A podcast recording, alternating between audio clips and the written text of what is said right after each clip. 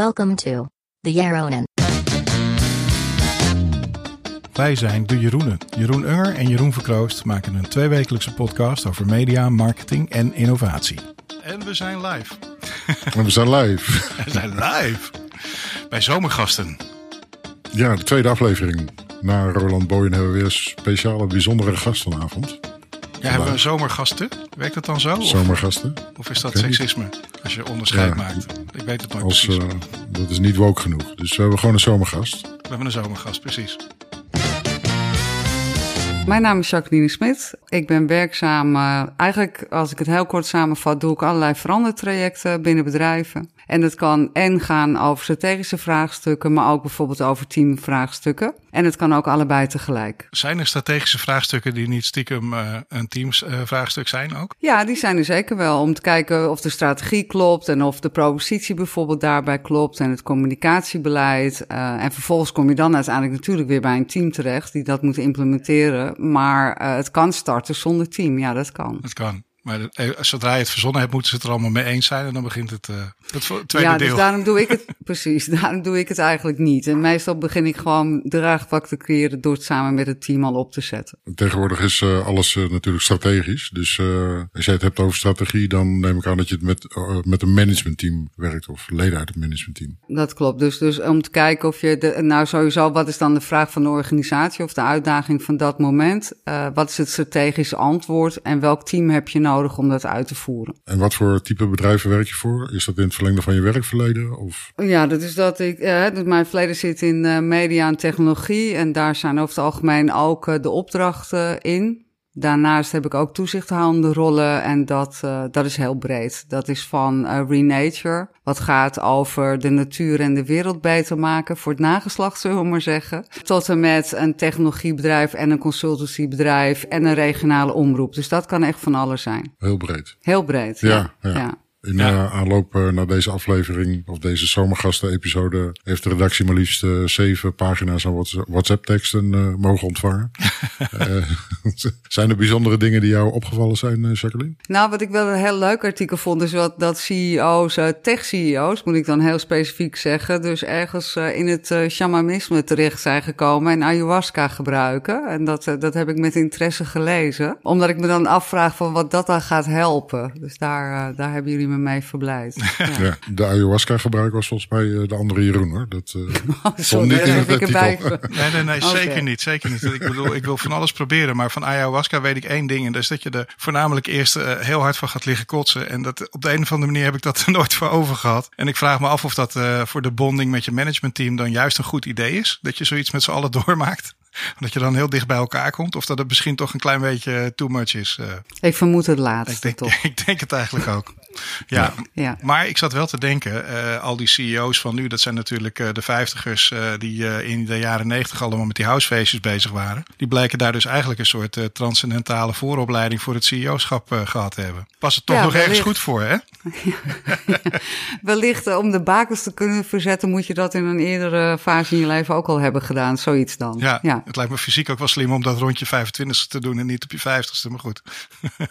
In hoeverre is het dan eh, niet eh, ook imago of image building in plaats van dat ze daadwerkelijk, eh, hoe moet je zeggen, teruggaan naar de bron of de natuur of wat dan ook? Ja, ik heb heel hard nagedacht over wat dat nou zou kunnen doen. Hè? Als je gewoon even de pluskant opzoekt van het artikel. Ik dacht, nou, misschien is het zo dat je als je uit patronen wil komen met elkaar, dat dit een goede manier is. Het punt is alleen dat je redelijk van de wereld bent. Dus ik vraag me af wat je nog weet als je weer terugkomt op de wereld. Dus ik vond het toch een bijzondere manier. Ja, het is geestverruimend. Wellicht kan dat eh, soms helpen. Nou, je hebt ook die andere school natuurlijk in Amerika. Die mensen die helemaal bezig zijn met microdosing. Hè, dat is dan een, een heel klein beetje LSD nemen. Zodat je soort van eh, je mind open zou zetten. Maar dan zo weinig dat je het eigenlijk nauwelijks merkt. Volgens mij is dat voor de mensen die eh, niet zo nodig eh, op een matrasje hoeven te liggen met eh, pijn in hun buik. Eh, misschien een soort oplossing. Maar ik heb dan altijd het idee van als je dan in eh, een milli, eh, fractie van een, eh, van een milliliter neemt. En dan denkt dat dat je gaat helpen. Ja,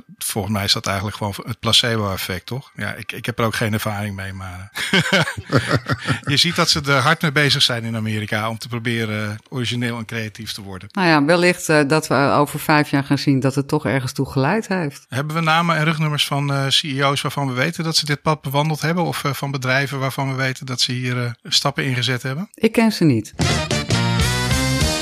Ik heb zelf het gevoel dat Snap ermee bezig is. Ik moet altijd oppassen als ik Snap noem. Want uh, Jeroen is aandeelhouder. Ja, maar uh, ja, Snap uh, heeft uh, volgens mij inspiratie op een bijzondere plek gehaald. Want zij dachten ook origineel te zijn door een betaalversie van de Snap-app te gaan aanbieden. Als abonnement natuurlijk. En ja, als een van de belangrijkste genoemde functies kun je dan het app-icoontje veranderen. dat is wel een hele kleine zijn... micro, micro, micro dosing geweest, denk ik. dat denk ik nou ook.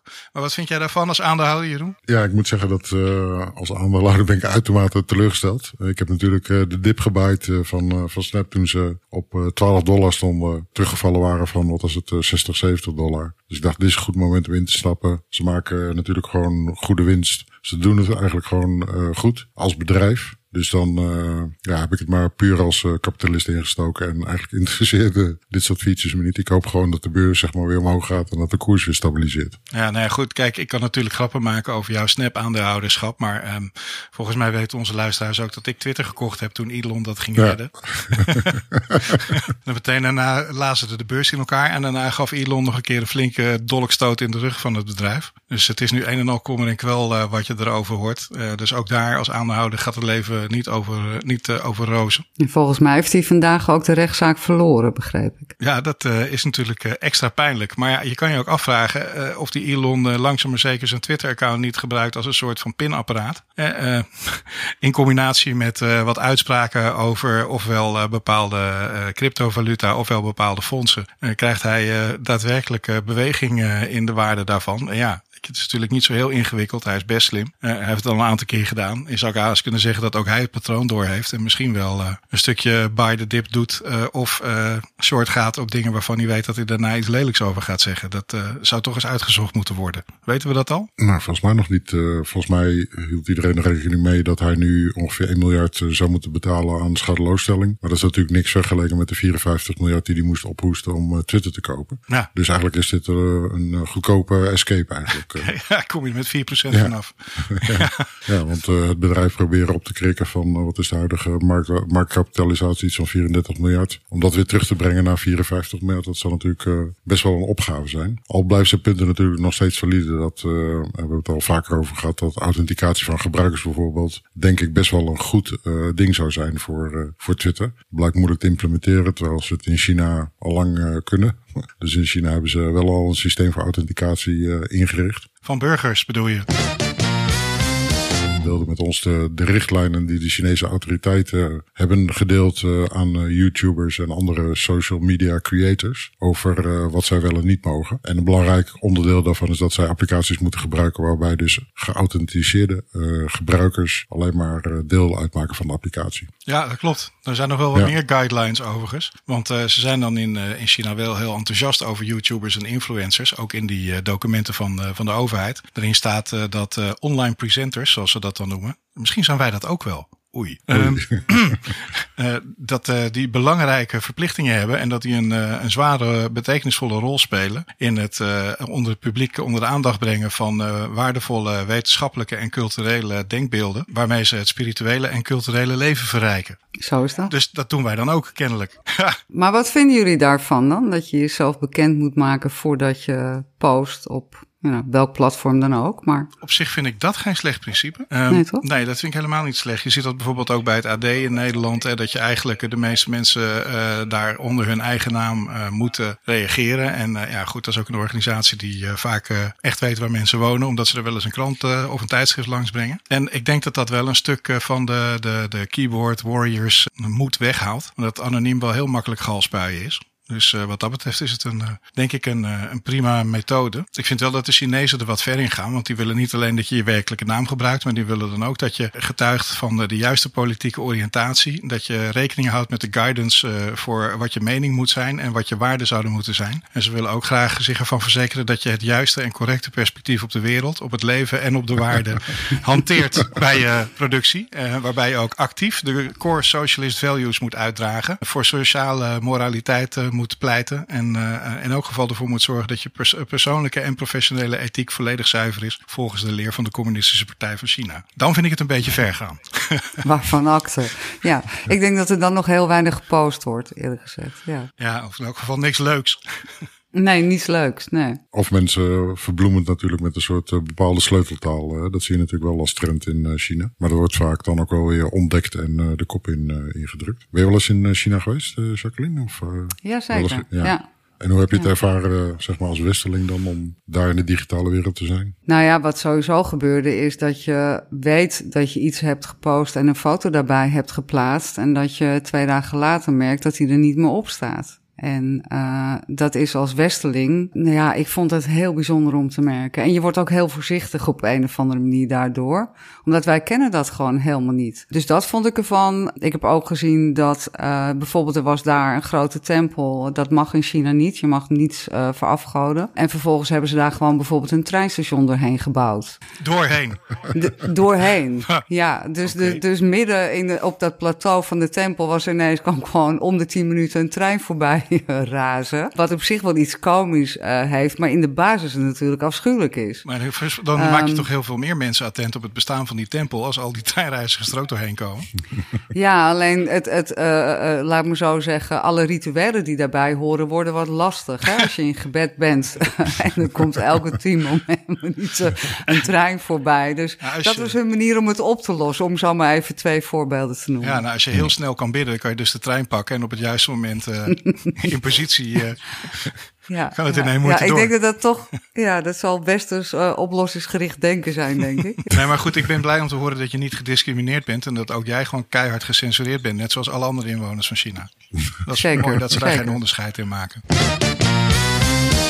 een van de dingen die ik onlangs las en die we ook in de show notes mee zullen nemen, is een artikel waarin uitgelegd wordt dat China inmiddels uh, claimt om uh, AI te hebben uh, in stelling gebracht die ook je gedachten kan lezen en daarbij je politieke loyaliteit kan peilen. Dus ja, dan hoef je niet eens meer op je woorden te letten, dan moet je zelfs al op je gedachten gaan letten. Dan wordt het was echt scary. Maar gelukkig wonen wij in een westerse kapitalistische maatschappij waar we vol mogen genieten van de geneugd van allerlei bedrijven met, vol met innovaties zoals Facebook, die onlangs weer met een, voor de derde keer met hun digitale munt gestopt zijn. Het gaat toch ook weer. Oh, mag ik toch Facebook zeggen? Ja, de munt was van Facebook, toch? Ja, anders is het Meta. Ingewikkeld allemaal, man. meta. Het is Meta. Oh, me Meta. Ja, het is American, hè? American ja. Meta. Dus je ziet toch wel langzaam maar zeker daar wat oude, laten we zeggen, voet, uh, grootheden van hun voetstuk uh, donderen. Ik denk dat uh, Meta een beetje de weg kwijt is. Je ziet dat Google hem ook begint te knijpen. Hè? Nu die antitrust case langzaam maar zeker wel heel dichtbij begint te komen. En dan gaan ze ineens strooien met cadeautjes en met beloftes die heel onnatuurlijk overkomen. Tenzij je beseft dat het een soort van, uh, uh, laten we hopen dat we hiermee wegkomen, zoenoffers uh, zijn. Ik vind dat als je als persecutor of hoe heet zo iemand dit soort dingen ziet gebeuren, dan weet je A dat je beet hebt en B dat je nog veel harder moet doorbijten volgens mij. Dus ik ben benieuwd wat er uit die zaak gaat komen. Wat denken jullie ja. daarvan? Nou, het valt mij wel op dat als je gewoon even, laten we zeggen, elke tien jaar neemt met grote spelers, hè, dus dat ze aan de start zo su succesvol kunnen zijn en businessmodellen uh, omgooien en vervolgens ergens in die schaal zichzelf verliezen. Want je kunt niet zeggen met wat Facebook heeft gedaan dat, dat, uh, dat het een, een dom bedrijf is. Ze hebben iets heel knaps gedaan en zich een categorie toegeëigend. Maar vervolgens zie je dus dat als het dan op schaal komt en groot wordt en er komt competitie. En of het nou Microsoft is geweest of Google is geweest of nou ja, een hele oude Nederlandse speler Huis bijvoorbeeld. Ergens gaat dat mis. En dat vraag ik me af waar dat door komt. Want ja. waarom zou Facebook dat, dat betaalsysteem niet op orde kunnen krijgen? Nou, het belangrijkste was natuurlijk dat zij gokte op, uh, op de blockchain en eigenlijk op uh, crypto als betalingsmiddel. En nou, inmiddels is iedereen daar wel enigszins van uh, genezen. Ja. Ik denk ook dat het geloof in, in Web3 en, en dergelijke ook wel enigszins aan het tegenvallen is. In Mhm. ieder geval het afgelopen half jaar. Dus eh, misschien hebben ze de sprong te laat gemaakt. Zou ook kunnen. hè, dat zij als bedrijf wel onderkenden dat die golfpatronen onder het techbedrijf zich afspeelt. Maar dat zij niet op tijd zeg maar op de nieuwe golf eh, ingestapt zijn. Eh, ondanks dat Mark natuurlijk eh, verwoede pogingen doet nog steeds om de metaverse tot leven te brengen. Maar Maar zitten we niet gewoon op dit moment in de trog van de desillusie? En zou jij als thought leader, Jeroen, niet juist moeten eh, vertellen dat het eh, op dit moment eh, juist het punt is om in te stappen, omdat nu die grote reis naar boven gaat beginnen, wanneer uiteindelijk deze technologie breed omarmd en zeer succesvol gaat worden? is dat een vraag? Een retorische vraag? Of, eh, Het is een gesloten vraag. Ik kon hem niet meer Ja, gesloten maken. Nou, ik denk dat het iets breder is. Dus eh, laat ik zeggen dat ik eh, wel een beetje van mijn geloof afgevallen ben. eh, en ook wat sceptischer geworden ben over blockchain en web 3.0. Ook al blijven nog best wel een grote schare mensen erin geloven. Maar ik denk dat veel mensen nu toch wel enigszins zich bedrogen voelen door wat het zou kunnen betekenen of wat het zou kunnen worden. Het ongebreidelde optimisme, zeg maar, is er, is eruit. En ik denk niet dat we in die trog zitten, omdat het volgens mij veel breder gaat dan dat. Hè. En dat, dat artikel wat ik deelde over het onder CEO's is denk ik daar een, signaal van dat we eh, toch wel in een soort, eh, ja, ik zou bijna identiteitscrisis eh, moeten noemen. Hè, we hebben natuurlijk het postmodernisme gehad en voor mij voelt het een beetje aan dat we, dat we nu langzaam naar het tijdperk van het postkapitalisme gaan, waarin het niet meer gaat alleen maar om ongebreidelde winst maken, maar dat we ja, dermate geconfronteerd worden met crisissen en een elite die heel veel geld bezit en een hele grote onderklasse in de maatschappij. We hebben, we hebben nauwelijks meer middenklasse en ik wil het niet politiek maken hoor, maar ik denk dat het in die bredere context, eh, zeg maar, dat de crisissen groter zijn dan dat we nu kunnen zeggen van nou laten we op de volgende technologiegolf eh meedijnen. Is het kapitalistisch overmoed? Dat eh, bedrijven zo machtig worden dat ze op een gegeven moment denken dat eh, alles een succes gaat worden en dat ze kunnen manipuleren eh, dat het een aard heeft. Misschien is het wel zoiets. Hè?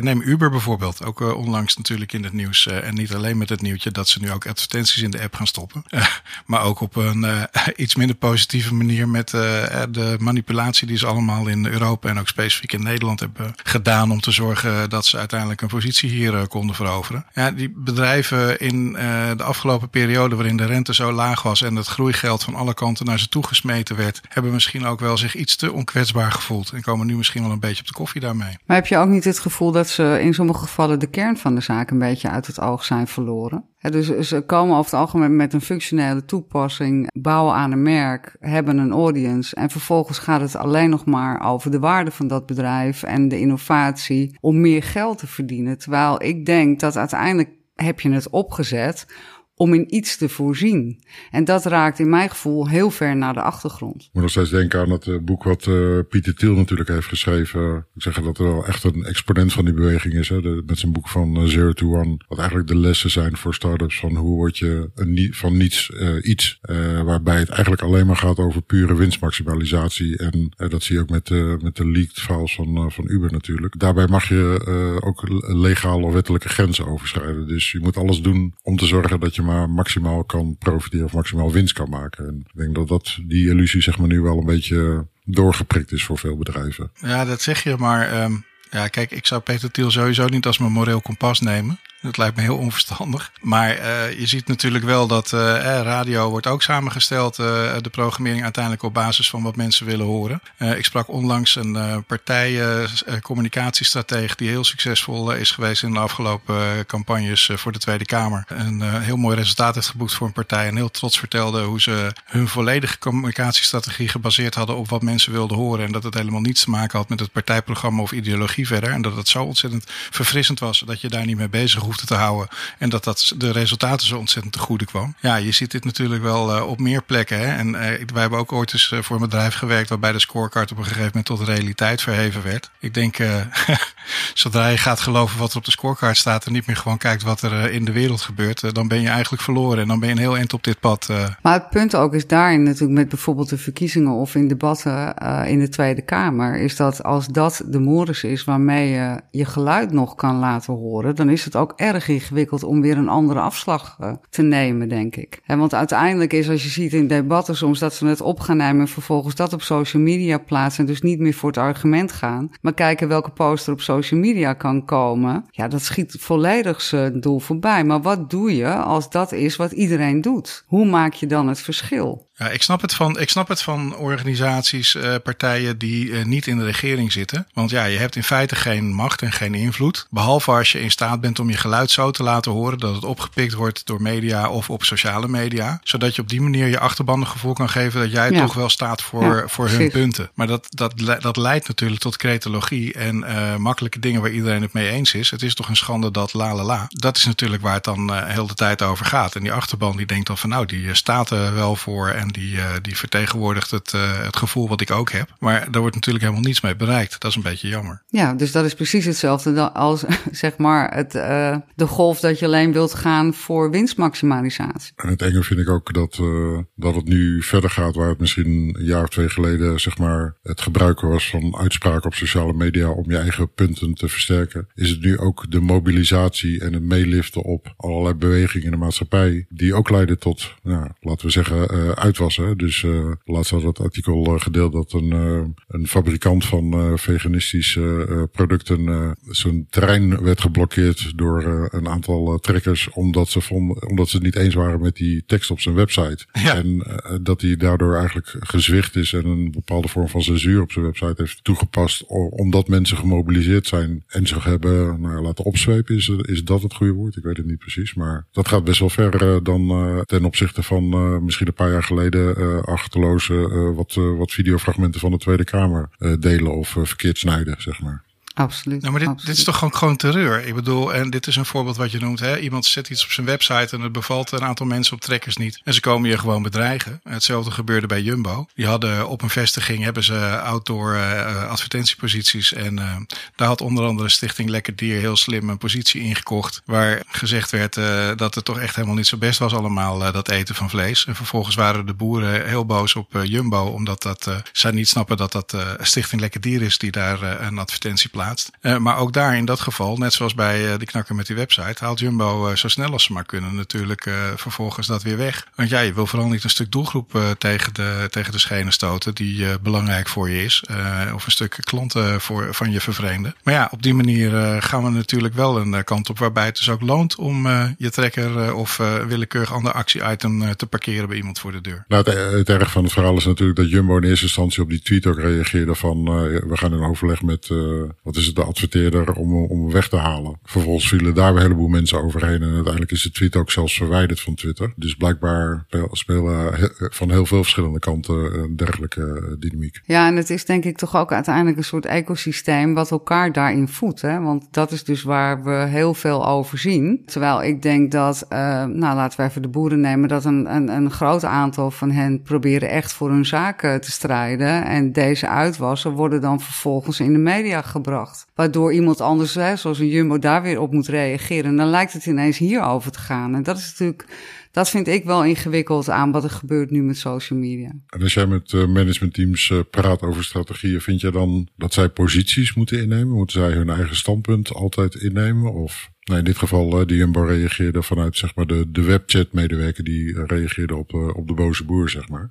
Maar moeten bedrijven zelf daar een positie in nemen? Moet het managementteam iets uitdragen daarover? Ik denk dat als je het gewoon hebt over hè, bijvoorbeeld een, als je een webchat doet of als je merkcommunicatie doet, dat het uiteindelijk moet gaan over de aard van het product en waarvoor je een dienst verleent of een product levert. En het is niet jouw persoonlijke kanaal. Dus op het moment dat je, hè, want dit gaat eigenlijk ook over hoe wil je als merk jezelf zichtbaar maken. En er moet een heel duidelijk protocol voor zijn, denk ik. Of je dat wel of niet wenselijk vindt dat je medewerkers dat uit eigen beweging doen. Ik zou er niet voor zijn, maar ik zou ze bandbreedte meegeven. als het gaat over deze terreinen mag je vrijelijk communiceren. Maar op het moment dat het over je persoonlijke mening gaat of een individuele reactie, wordt het echt al lastiger. Toch zie je dat bedrijven zoals uh, Nike, zie je dan uh, een campagne doen met Colin uh, Kaepernick, die een hartstikke omstreden figuur is op dat moment in, in Amerika. En juist dit soort dingen omarmen. Ehm, is dat dan uh, ja, eigenlijk uh, een persoonlijke hobby die uh, via het merk Nike naar buiten komt? Of is dat een valabele communicatiestrategie? Het voelt als het eerste. Ja. Je bent er niet bij, maar in ieder geval wordt een, wordt een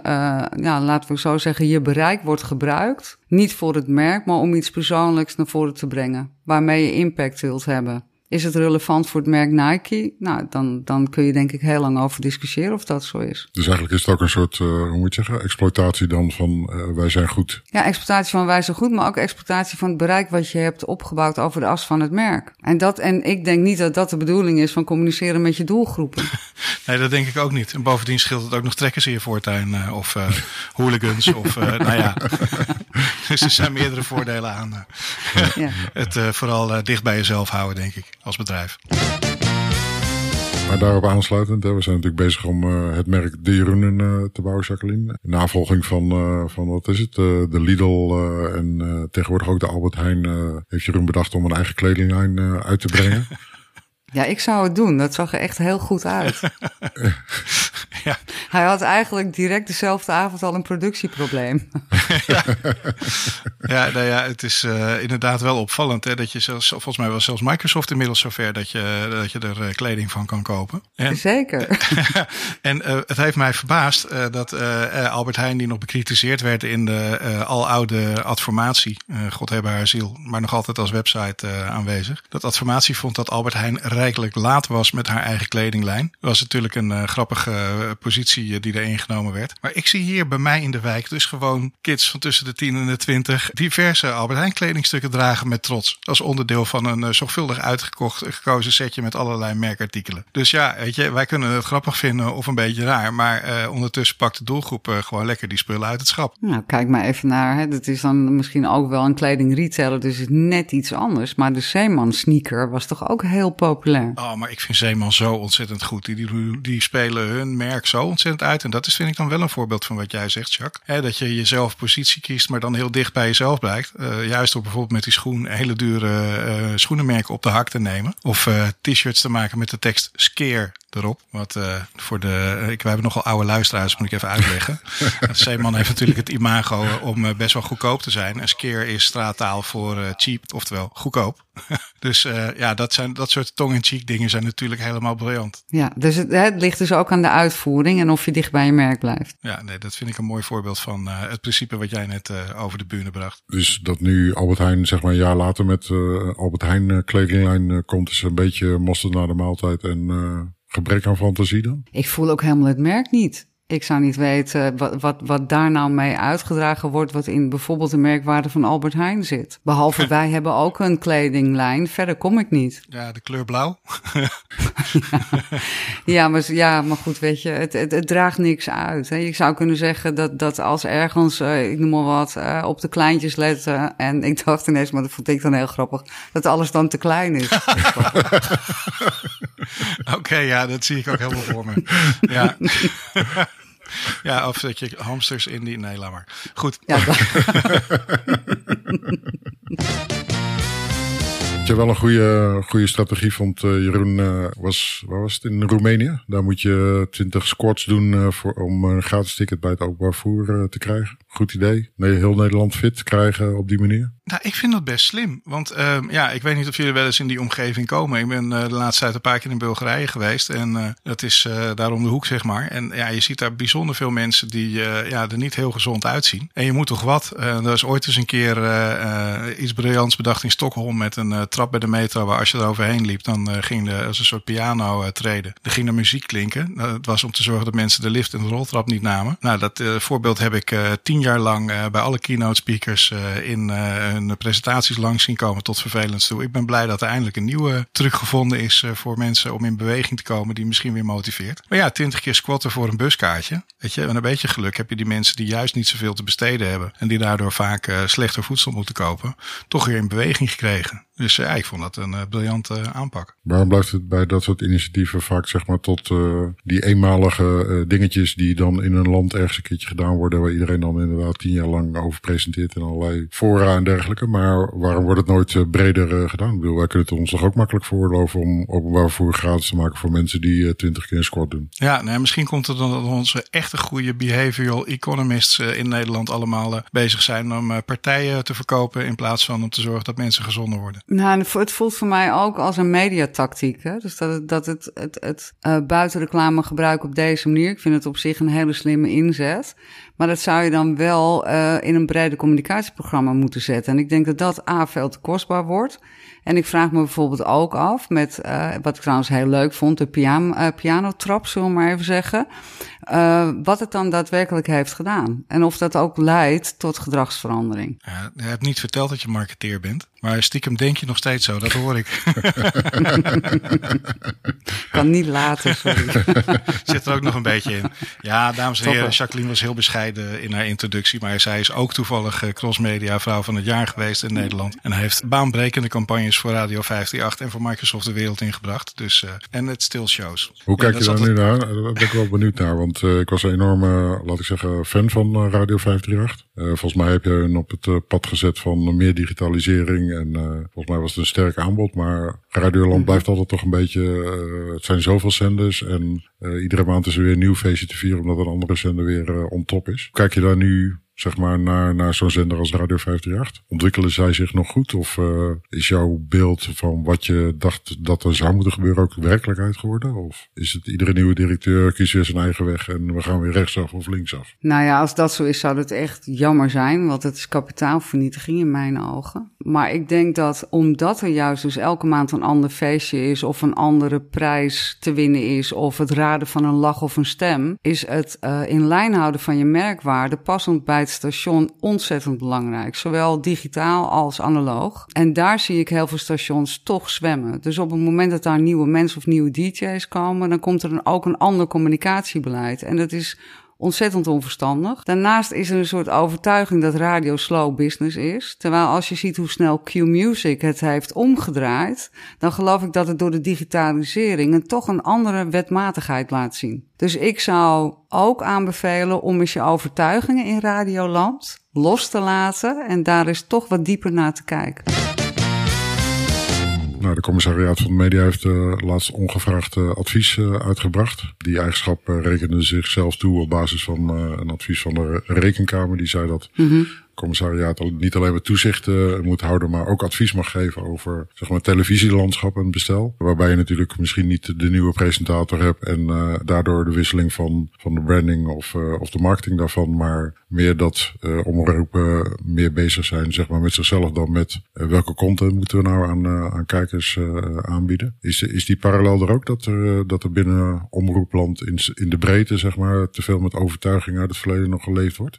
nou, in zijn algemeenheid niet, denk ik. Ik denk dat het op onderwerpen zo is. Ik, de, de makers die in, of dat nou het radiolandschap is of bij de kranten of, of, de televisie, er worden ongelooflijk mooie producten gemaakt, nog En de stem en het gezicht en het merk is ongelooflijk belangrijk. Alles daaromheen, in mijn ogen, moet ten dienst staan van dat product. En moeten kijken van waar staan wij voor. Dat is bij een publieke omroep anders dan bij een commerciële omroep. Dat moet je goed voor ogen houden. Dus je moet bij publiek er voor iedereen kunnen zijn. Alle smaken en kleuren. En bij commercieel mag je echt focussen op zeg maar wat je met je merk uit wil stralen en wil maken. Als je dat voor ogen houdt, dan denk ik dat een aantal keuzes die nu gemaakt worden niet zouden worden gemaakt. kan je daar een voorbeeld van geven? Welke keuzes zouden niet gemaakt worden? Nou, ik, ik vind bijvoorbeeld op het moment dat er, en dat begint al te veranderen, maar op een gegeven moment zag je bij de publieke omroep dat alle zenders er hetzelfde uit gingen zien, maar ook heel veel programma's gingen maken die lijken op de commerciële omroep. In principe ben je daar niet voor. Je bent ervoor om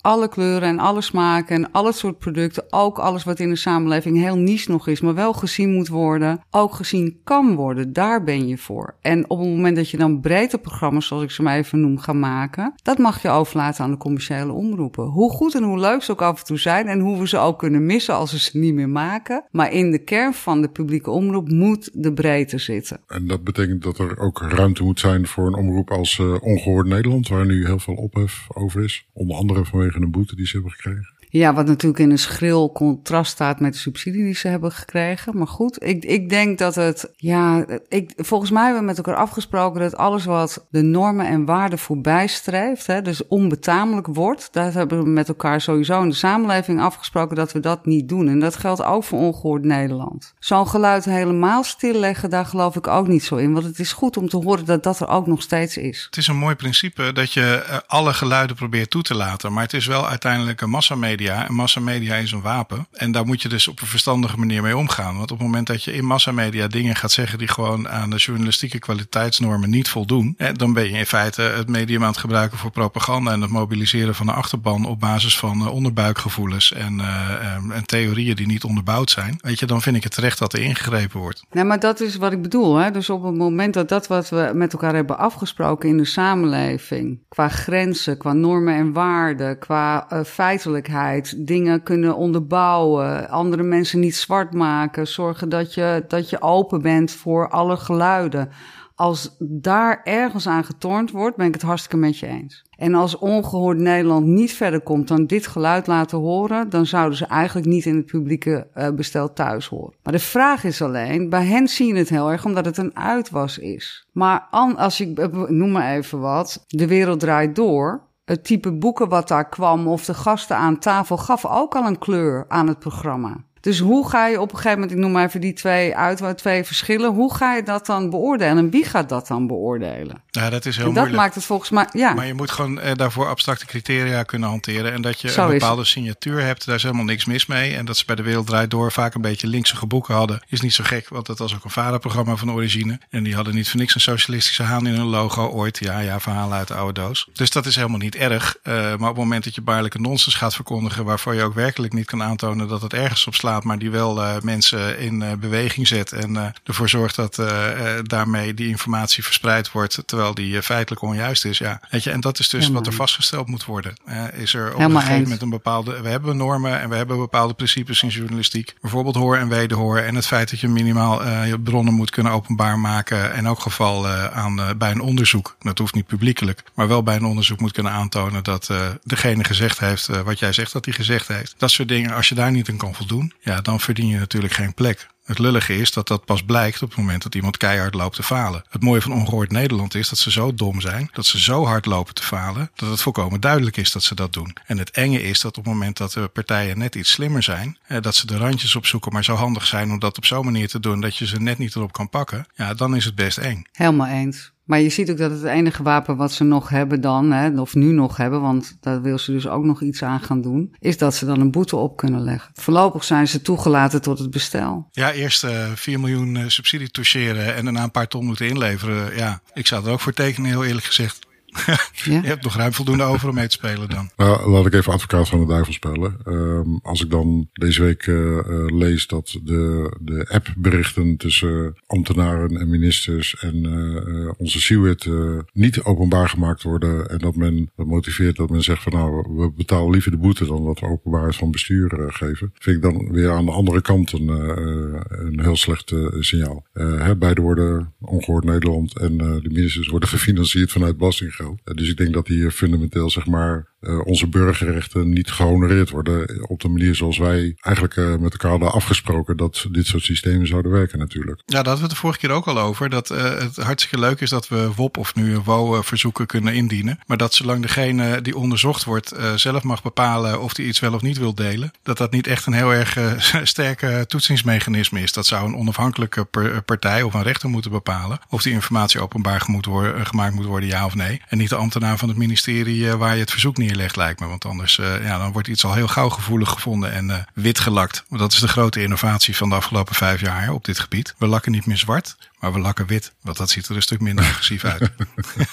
maar het erg is natuurlijk dat ze gewoon accepteren nu, en ze gaan eigenlijk een stap verder. Dat ze nu dus zeggen van, nou wij betalen wel gewoon die dwangsom. Uh, het maakt ons niet uit, we gaan het gewoon niet delen. Dat is ons standpunt. Niet uh, zeggen van, nou we kunnen ze niet meer vinden of ik heb geen herinnering aan of mijn telefoon is gewiped of wat dan ook. Maar gewoon nu zeggen van, we gaan de informatie niet delen die jullie uh, vinden dat jullie er recht op hebben om daar toegang toe te krijgen. Dus we betalen gewoon een dwangsom uh, als overheid. Dan, dan volgens mij ben je dan je machtsmiddel als overheid ook al enigszins aan het misbruiken. Nou ja, je ziet dat de overheid uh, zich op verschillende terreinen wat meer vrijheden permitteert dan noodzakelijkerwijs eigenlijk echt terecht zijn. Een vast terugkerend onderwerp in deze podcast is ook altijd de autoriteit persoonsgegevens.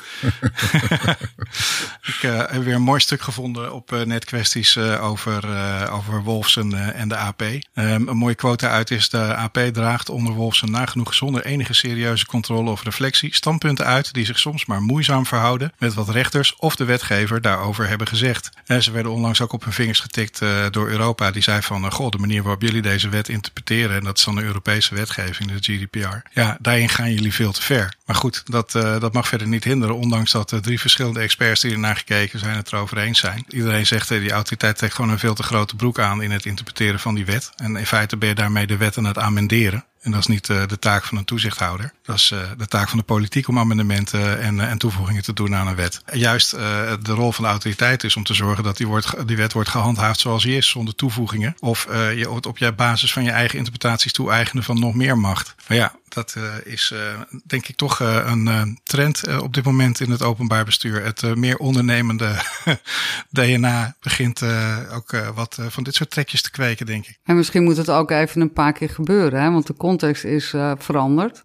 het wordt, als het nu gebeurt, wordt het heel erg breed besproken op verschillende mediakanalen. En wellicht moet, daar, moet dat eerst dan gebeuren voordat daar weer een aanscherping komt en men zich weer realiseert dat alles wat Jeroen en Jeroen net zeiden, dat het dus ook op een andere manier nu moet. En misschien is het ook wel even ingewikkeld om nu te besturen, zo publiek. Ik weet het niet. Eigenlijk merk je ook wel enigszins dat, wat we zeggen, zelfs binnen de overheid, de post-truth eh, wereld ook doorgedrongen is. Hè? Dat zij ja. in hun eigen waarheid leven en, uh, hoe moet je zeggen? Nou, niet meer bekommerd zijn om, om andere waarheden die er misschien ook uh, zouden zijn. En dat, dat vind ik toch wel heel gevaarlijk als, als ook zeg maar, uh, op, op een dergelijke manier. Ja, wij, wij keken vol afschuw naar de wereld van Trump natuurlijk. Maar dit zijn dan de bewegingen die ook die kant op, op gaan. Waar ik toch gewoon totaal geen begrip voor heb eigenlijk. Maar goed, blijkbaar kan je in een bepaalde tunnel zitten dat, dat je ervan overtuigd bent dat je eigen waarheid de waarheid is. En dat wat andere mensen zeggen blijkbaar niet klopt.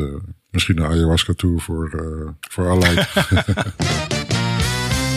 Het wordt hoog tijd dat uh, we nog wat extra stappen zetten in de ontwikkeling van artificial intelligence. Want uh, waarschijnlijk is die uh, op afzienbare termijn meer geschikt om ons allemaal te regeren dan dat onze eigen politici dat zijn. Wat denken ja. jullie? Maar misschien is de, de Chinese uh, gedachten lezen AI wel, uh, wel geschikt ook om, om de andere kant op te kijken. Dat we het niet uh, tegen de burgers gebruiken, maar te, tegen de overheid. Dat we de gedachten van ambtenaren kunnen lezen. Nou ja, goed. Ik zag ook al, uh, en dat uh, zal jou aanspreken, uh, Jacqueline, dat een AI onlangs de eerste wetenschappelijke publicatie opgeleverd heeft. Dan weet ik ja. dat jij ook een behoorlijk stuk denkwerk en wetenschappelijk onderlegd model aan het ontwikkelen bent, of daar al ontwikkeld hebt eigenlijk. Dus wat denk je ervan? kan de volgende stap in, in jouw proces door een AI gemaakt worden? Nou, toen ik het las, was ik, dacht ik wel, ik ga dat proberen. Want ik heb het natuurlijk gewoon een aantal startpunten daarin meegenomen. Wellicht uh, kan ik dat aan deze AI-toepassing geven. En dat scheelt een hoop werk. Het enige, het eerste wat ik wel dacht, zit er dan ook zo'n hart en ziel in? Dat je kan voelen dat het uh, vanuit uh, nou ja, een, een, een overtuiging of hoe je het ook wil zeggen, of in ieder geval zoals je naar de wereld kijkt, is dat dan opgeschreven? Dus is het dan puur, hoe moet je dat zeggen, rationeel wetenschappelijk? Of zou hij ook nog iets van gevoel daarin kunnen brengen? Ja, dat was ook een hele discussie. Om, ik kom zo terug op je vraag. Maar de, de, de, wetenschappers die de AI begeleid hebben in dit proces, die vonden op een gegeven moment moesten ze dit uh, stuk dan gaan inleveren. En toen kwamen ze bij allerlei uh, ingewikkelde invulvelden van uh, bijvoorbeeld geslacht, woonplaats en zo. Waarvan ze eigenlijk niet wisten hoe ze dat moesten invullen zonder een loopje te nemen met de waarheid. Dus dat is inderdaad ingewikkeld. Maar ja, een ander voorbeeld is natuurlijk onlangs ook breed uitgemeten. Google Die zo'n emotioneel gesprek had met een AI, dat hij ervan overtuigd was dat hij met een uh, werkelijk wezen te maken had. Ja, dus ik denk dat ja, als je dat soort effecten kunt uh, bewerkstelligen, nou ja, in elk geval bij een developer, wat misschien een makkelijker te manipuleren doelgroep mm -hmm. is, ik weet het niet. dan zou je kunnen zeggen dat jij misschien wel, als jij er voldoende emotie inlegt, dat hij dat misschien wel mee aan de haal kan gaan en dat ook in een soort wisselwerking met je kan, kan oppakken en empathisch kan reageren. Nou, ik weet niet of ik heel makkelijk een opdracht kan kan verstrekken door dat uh, experiment aan te gaan. Maar het lijkt mij, uh, lijkt mij interessant om te doen, ja. Nou, wat me ook wel interessant lijkt, is als je dan zo iemand, zo'n AI kan trainen om echt te begrijpen wat jouw uh, manier van uh, naar processen en ontwikkeling kijken is. Precies. Dan kan je ook een heel legertje van die AI's vervolgens inzetten om uh, de begeleiding voor je te gaan doen. En, een, een AI-farmpje met die allemaal klanten en bedrijven bij de hand kunnen nemen. Zie je dat zitten? Nou ja, dat vereist dus ook een gevoel. Wij mensen doen toch ook heel veel op, zoals dat heet, resonantie. Dat je voelt aan de ander wat er wel of niet is. Of wat een ander probeert te verbloemen bijvoorbeeld. Of uh, zelf nog niet zich van bewust is. Ik ben heel benieuwd of AI dat gaat uh, kunnen. Een ander overheidsprobleem oplossen natuurlijk. Dat ze geen consultants meer nodig zouden hebben als... Uh, het scheelt een paar miljard, denk ik. Kunnen we dat weer beter gebruiken? Ja, ja. Ik, het is een beetje pijnlijk dat je dat op deze manier formuleert. Want ik heb net een persbericht gelezen dat Jacqueline zich aangesloten heeft bij een consultancybedrijf. Dus uh, ja. ja. Daar moeten we een klein beetje mee oppassen met grappen over consultants. Hoe zit dat, Jacqueline? Ja. Nou ja, wat ik gewoon heel leuk vind, is dat sowieso zijn daar mensen die het al uh, zelf een bedrijf hebben geleid. Hè? Dus, de, dus daar ook uh, met, uh, zoals dat heet, de poten in de modder hebben gestaan. En met elkaar en met zo'n team een bedrijf binnengaan en nou, zo'n verandervraagstuk waar, waar ik het over had oplossen. Dat is de reden waarom ik het gekozen heb, om dat met elkaar te doen. Oké, okay, maar dat klinkt anders als de meeste consultancybedrijven. Dit is niet, ik ga of ik word op pad gestuurd alleen en uh, ik ben er één dag per week en ik schrijf uh, uitbundige rapporten en dan uh, vertrek ik weer snel. Maar dit is een team wat bij een bedrijf naar binnen gaat om, om te helpen. Ja, klopt. En sowieso geen rapporten oplevert en weer naar buiten stapt. Nee, dus, dus wel echt meewerkt, meekijkt en ook de resultaten die geboekt moeten worden, zelf ook als verantwoordelijkheid neemt. Ja, ik hoor Jacqueline het heel netjes zeggen, maar volgens mij was de, de subtekst die ik eronder hoorde van dit zijn mensen die wel ervaring hebben en ook echt zelf gewerkt hebben en niet een hele leven lang alleen maar consultant zijn geweest. Ik hoor het je zeggen. Ja. ja. Ja. Nou, ik kan me voorstellen dat uh, dat meer aantrekt uh, dan uh, sommige andere modellen. Maar dan zie, dan ja. zie je maar weer, Jacqueline. Ja. Jeroen is onze AI die gedachten kan lezen. dat ook kan verwoorden. ja, dat doet hij goed. Ja. ja. Nou, ik hoop wel later, op het moment dat het lichaam het echt niet meer leuk meedoet, omdat ik er toch niet zo heel erg netjes mee om ben gegaan, verder te kunnen leven ergens in een, in een kristallen vaasje of zo. En dan gewoon snedig commentaar te kunnen blijven geven op mijn nageslacht. Dat lijkt me fantastisch. Ik weet niet of jouw nageslacht dat zo zal waarderen, maar... Op een gegeven moment is het vaasje in een stuk heel gek. Ja, Wat? Ja, of, of, staat het op een onbewoond eiland? Ja, of, ja, of tussen allemaal van die urnen, weet je wel, in zo'n muur. Dat je daar staat van, hallo jongens, jongens, jongens. nou ja, kijk, AI, AI heeft nu natuurlijk wel, uh, wat is het, ongeveer 25 uur aan podcast, waarin jij uitbundig spreekt, Jeroen, en ook je kinderen soms terechtwijst en je eventuele kleinkinderen. Dus dan kan AI daar vast wel genoeg uitputten om, om jou toch synthetisch door te laten leven. Fuck, ik ben gewoon overbodig. Dat is ja, natuurlijk Nu zo. nog niet, hè? Ja. Nee. nee ik denk ja. dat... Nou, nog tien podcasts en uh, dan hebben ze Dan hebben we genoeg materiaal. Ja, wordt ook steeds slimmer. ja. Spelletje gedeeld, Jeroen. Dat heet uh, Neil Fun. En uh, dat waren absurde trolley- of tramproblemen. waarbij je steeds moet kiezen welke kant van het spoor je de tram opstuurt. En afhankelijk van je keuze is dat bepalend dan voor hoeveel mensen er om zouden komen. En dan wordt het spel natuurlijk steeds uh, ingewikkelder. Uh, op basis van bepaalde kwalificaties, oude of jonge mensen, nou, noem het maar op. Allerlei verschillen worden uitgebuit. Uh, dat is natuurlijk een bekende methodiek uh, om, uh, om natuurlijk ook artificial intelligence te trainen. Hè? Dus om genoeg data te verzamelen van mensen die zo'n spel spelen. Om uiteindelijk voor AI een, een, model te trainen wat dan ook zelf die keuzes zou kunnen maken zoals mensen het zou doen. Dat is natuurlijk het eeuwige probleem, vooral voor Elon natuurlijk. Er kunnen nog steeds geen self-driving cars de weg op omdat uh, de aansprakelijkheid eigenlijk uh, niet geregeld uh, is. En we weten niet waar een zelfdrijvende car voor kiest. als u voor zo'n dilemma natuurlijk komt te staan. hebben jullie het allebei gespeeld, het spelletje? Of, Ja, ik kwam twee keuzes ver en toen vond ik het eigenlijk, toen wilde ik niet meer kiezen. Toen wilde je al niet meer kiezen. Ah. Dus eigenlijk... Jacqueline is te lief. ik ben echt te lief. Ja, ik zag twee keer splet en toen dacht ik, nou, ik stop hiermee. nou ja, wat, ik, wat ik ontzettend mooi vind aan dat spel is inderdaad, wij mensen hebben in al onze arrogantie hebben dan een testje verzonnen, wat echt te bazaal en te banaal voor woorden is, om het zogenaamd AI moeilijk te maken en te laten zien hoe superieur wij zijn. En het leuke is, wat deze gast gedaan heeft, hij heeft het testje omgedraaid en die heeft laten zien dat als je mensen dit soort dingen laat doen, en je ziet ook hoeveel mensen welke keuze gemaakt hebben, dat als mensen zelf die keuzes maken, dat ze ook de meest bloederige scenario's kiezen. Dus wat dat betreft zijn we gewoon geen haar beter dan AI. En dat toont dit spelletje ook nog eens veilig. Aan. En die diepere laag zorgde ervoor dat ik echt een klein beetje verliefd werd op dit spel. En wilde weten hoeveel mensen de foute keuze hadden gemaakt bij elk dilemma. En ja, de prijs die je daarvoor betaalt is dat je onderdeel wordt van, van het probleem. en dat je ook zelfs die hendel overhaalt met de meest verschrikkelijke gevolgen van dien. Maar gelukkig is het een cartoon versie die er best heel grappig uitziet. als je op een gegeven moment de keuze krijgt tussen mensen en stokstaartjes, dan wordt het toch ineens weer moeilijk. maar zou mijn keuze dan ook meegenomen worden? Door, het, door te stoppen met spelen? Nee, dat denk ik niet. Dat is wel heel erg jammer. Maar ja, ik denk dat ze, hebben, ze laten telkens zien welk percentage van de mensen A of B gekozen hebben. Want je hebt telkens maar twee keuzes. En dat jij op een gegeven moment niet meer in de mix zat. Ja, uh, dat maakt dat jouw stem daarmee niet meer meegeteld wordt natuurlijk. Nee, ik denk dat je inderdaad uh, als een soort outlier in het datamodel uh, tevoorschijn komt. Als een van de weinige mensen die, die na één of twee keer gestopt is. Dus ik lig er weer uit eigenlijk. ja, ja, ja, ja. Je ligt er weer uit. Dat is, dat, is natuurlijk, dat is natuurlijk tegelijkertijd de grootste kwetsbaarheid van, van AI. Dat ze dat niet mee willen nemen of niet kunnen nemen. En daarom wordt er vaak over bias uh, ook gesproken. Want de outliers zeggen natuurlijk ook iets over het model. Want er zijn ook mensen die geen keuzes kunnen maken. Uh, en ja, dat is net zo valide als wel keuzes maken. En natuurlijk ook al doet 99% van de mensen, die blijft maar doorgaan het spel tot het Ja, maar dat is dus interessant, want is dat zo? Want als zij de mensen die stoppen met het spel niet meenemen, is dat dan waar wat jij zegt? Nou, we kunnen wel uh, zien hoeveel mensen het uiteindelijk helemaal afgemaakt hebben. Omdat je telkens ziet wat het totale aantal stemmen is geweest. Dan heb ik er niet super op, goed op gelet. Maar uh, het zijn een stuk of 32 uh, eh, dilemma's. Dus je zou kunnen kijken hoeveel er nog bij het 32e zijn ten opzichte van mijn nummer 1. En dan heb je een idee van hoe groot percentage afhakers je hebt. Maar of dat is omdat die mensen op een gegeven moment betrapt zijn door hun vrouw of hun baas. of dat ze gewoon honger hadden.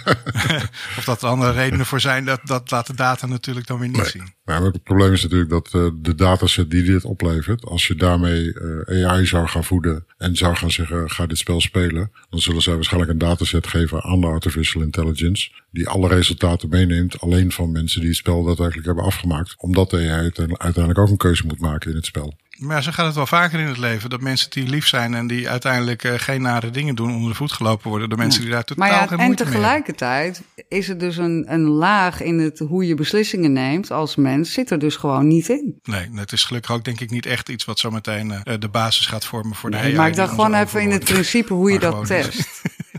Ik hoop het niet dat we dit nodig gaan ja. hebben, maar... Ik denk dat je wel aangetoond hebt dat het inderdaad uh, daarvoor niet geschikt is. Ja. Als uh, sil silent misschien wel majority, je weet het niet. Dat kunnen we nog uitzoeken.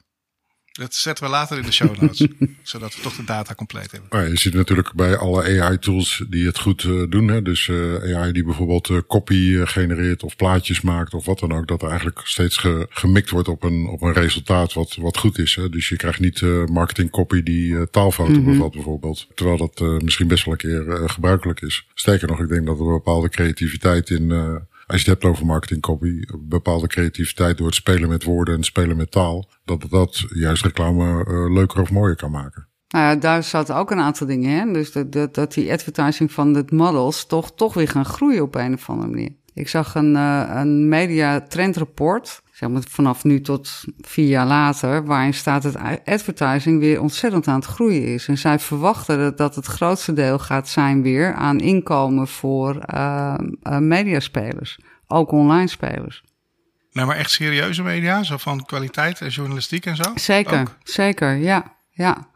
Dus waar, waar eerst zeg maar de consumer uh, uh, inkomsten hoog waren, hè, dus gewoon alle, uh, wat is dat, abonnee bedragen die je moet betalen of nou, wat voor model het ook is, dat dat overgenomen geworden weer door advertising. Nou, daar zijn we terug bij af, hè, want zo rond het jaar 2000 was voor een gemiddelde krant, was twee derde van het inkomen was advertising en een derde waren lezersinkomsten. Klopt. En dat is volledig gespiegeld inmiddels. Het is ruim twee derde nu aan lezersinkomsten, want ze hebben inmiddels ontdekt dat als je elk jaar het een euro duurder maakt, dat uh, het, uh, de gemiddelde consument geen donder uitmaakt, dat ze toch wel abonnee blijven. Het enige gênant is dat ze uh, niet aanjongen. Dus dit is wel een eindige strategie. Maar dan zouden we weer teruggaan naar twee derde advertising en een derde lezersinkomsten. Ik zou, ja, het zou mij verbazen, maar het zou wel revolutionair zijn in elk geval. Dat zou wel blijken dat Netflix overigens weer helemaal uh, heet op, uh, op, op de trend zit. Want die hebben net aangekondigd dat ze met commercials uh, dankzij Microsoft straks een goedkopere versie gaan aanbieden. Dus de ergens is dat, dat advertising van het model op toch weer interessant. Of het is andersom. Hè? Dat kan ook iets vinden waardoor je door advertising een andere dienst krijgt van de aanbieder. Ik moet Kan zeggen ook. dat ik als aandeelhouder van Snap eh, zeer verheugd ben met dit bericht. Zou jij, eh, als je een eh, mooi merk vertegenwoordigt, eh, Jacques, dan op Netflix willen adverteren met een, een televisiecommercial of misschien een, een kortere versie van vijf of tien seconden? Dat is dan in de betaalde versie, hè? want het is natuurlijk al in de, in de gratis versie is er altijd al advertising, maar je neemt een betaalde versie om dat juist niet te hebben. Ja, voor mij gaat het toch weer heel erg terug naar gedwongen naar commercials kijken, maar dan in, in streaming video, waarbij niemand de moeite neemt om het ook echt passend te maken binnen het medium waar je, waar je gezien wordt. Ja, Dus ik zou dan zeggen, doe het dan in InScript of zo. Zorg ervoor dat het ergens binnen een programma aanbod of een video aanbod eh, passend is. En doe er iets creatiefs mee. Maar om daar nu weer advertising tussen te gaan zetten, zou ik niet zo snel voor kiezen. nee, je zou eerder zeggen branded content of product placement Zo is in, het. eh, in de Ja. juiste serie, op Ja. de juiste manier. Voelt een beetje als armoede om weer terug te gaan naar een, eh, een gedwongen commercials kijken model. Ja, en het is ook zo, hè, op het moment dat iemand gaat Netflix en die wil een aflevering van zijn favoriete serie kijken.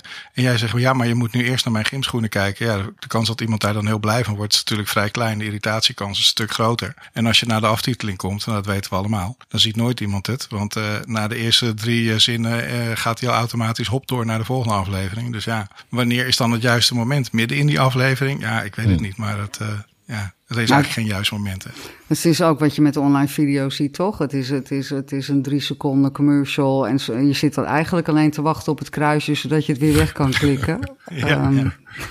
ja, nee, dat is zo. En ja, wat dat betreft is het ook zo dat het vaak nog wel eh, goed begint. Hè. Dan is er een campagneperiode van een week of zes. En dan zegt Volvo, nou, we willen echt alleen saaie mensen die D66 stemmen en een Labrador hebben en een gezin met eh, vier kinderen. En die moet je dan deze commercial uitserveren. En dan na twee weken zegt het mediabureau, ja, we gaan zo de niet halen. Dus wat gaan we doen? Gaan we geld teruggeven of gaan we de criteria een beetje aanpassen? En voordat je het weet, eh, zit je bij eh, heel Nederland eh, boven de 16 jaar met interesse in een rijbewijs als targeting. Ja, dan is het toch weer overboord. ja, en ik irrelevant. eh, kan ik me dus voorstellen dat er in de toekomst een eh, aflevering van Strange Things komt waar iemand ayahuasca, gesponsorde ayahuasca gaat nemen, zoiets. Is dat het doel dan? Als onderdeel van zijn Ivy League eh, eh, pre- onderwijs om uiteindelijk Ja, eh, CEO te kunnen worden. Ja. Misschien moet het gewoon eh, een standaard module op Harvard. eh. Ja, of dat je misschien een keer kiest om gewoon weg te blijven. Dat is ook nog een optie, toch? De optie nul. ja. Dat durven mensen toch nooit en merken ook niet trouwens. Nou ja, ik denk dat het, het- er zullen eh, eh, ongetwijfeld merken en mediastrategieën zijn waar eh, wat van dit soort wetmatigheden weer losgelaten worden en gekeken wordt naar impact, wat mij veel verstandiger lijkt. Maar op sommige plekken ben je misschien wel zichtbaar en heb je dan een aantal bereikpuntjes gescoord, hè, waar je natuurlijk op meet, maar vervolgens is de impact nul. En dan kun je dat geld beter anders besteden. Ja, dat soort plekken. Hebben we het dan ook over de metaverse? Hoe kijk je daar tegen? Moeten merken nodig naar de me- metaverse en daar allemaal virtuele vestigingen en billboards eh, oprichten? Nou, ik denk dat we nog eens naar Second Life moeten gaan kijken. Om te kijken hoe dat, eh, hoe dat werkt en eh, wat je daar als merk aan hebt. En dat betekent niet dat je alles over moet slaan omdat andere dingen niet zo succesvol zijn geweest. Maar ik zou daar een experimentbudget tegen aanzetten. En bijvoorbeeld iets van 5 of 10 procent daarop inzetten. Om in ieder geval te leren en erbij te blijven. En niet nuffig te worden. Maar ik denk wel dat je. Ik zou daar nooit heel volop in gaan zetten. Nee. Het is ook de vraag welke dan, hè? Want er zijn inmiddels eh, ongeveer 50 verschillende metaverses. En eh, de, overigens is eh, een van de meer succesvolle, degene die je net noemde, Second Life, die doet het eigenlijk nog verrassend goed. Elke keer als ik dat zeg, zeggen mensen: hé, is dat niet dood dan? nee, dat is helemaal niet dood. Het heeft zelfs bijvoorbeeld eh, aanzienlijk meer eh, actieve gebruikers dan eh, Meta's Horizon Worlds op Ja. dit moment heeft. Ja.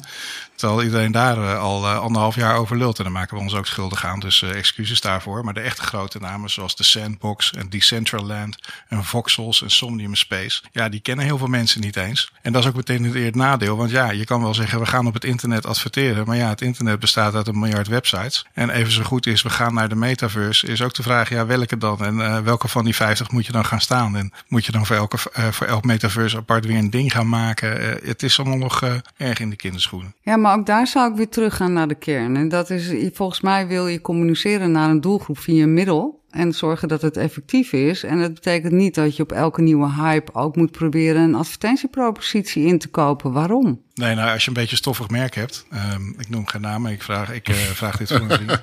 dan kan je ook nog, dan kan je ook nog denken, nou ja, weet je wat, uh, we bouwen ergens iets, het moet niet te duur zijn, we doen er drie persberichten uit en we gooien er een viral video tegenaan en dan denkt iedereen, joh, nou, dat uh, valt best mee van dat merk en misschien is dat dan ook gewoon je doelstelling voor, voor dit jaar. Nou ja, dan heeft het voor het merk niets gedaan, maar misschien voor je ego wel. Oh, voor je merk imago? Nee? Nee, nee. nee. Nee, sorry. Sorry Jeroen, nee, ik denk het, het scheelt, niet. Het scheelt weer 30 k dan, oké. Okay. Vertel dat maar tegen je vriend, ja. Ja, over hippe dingen gesproken. Het theater. Dat is dus helemaal hip tegenwoordig.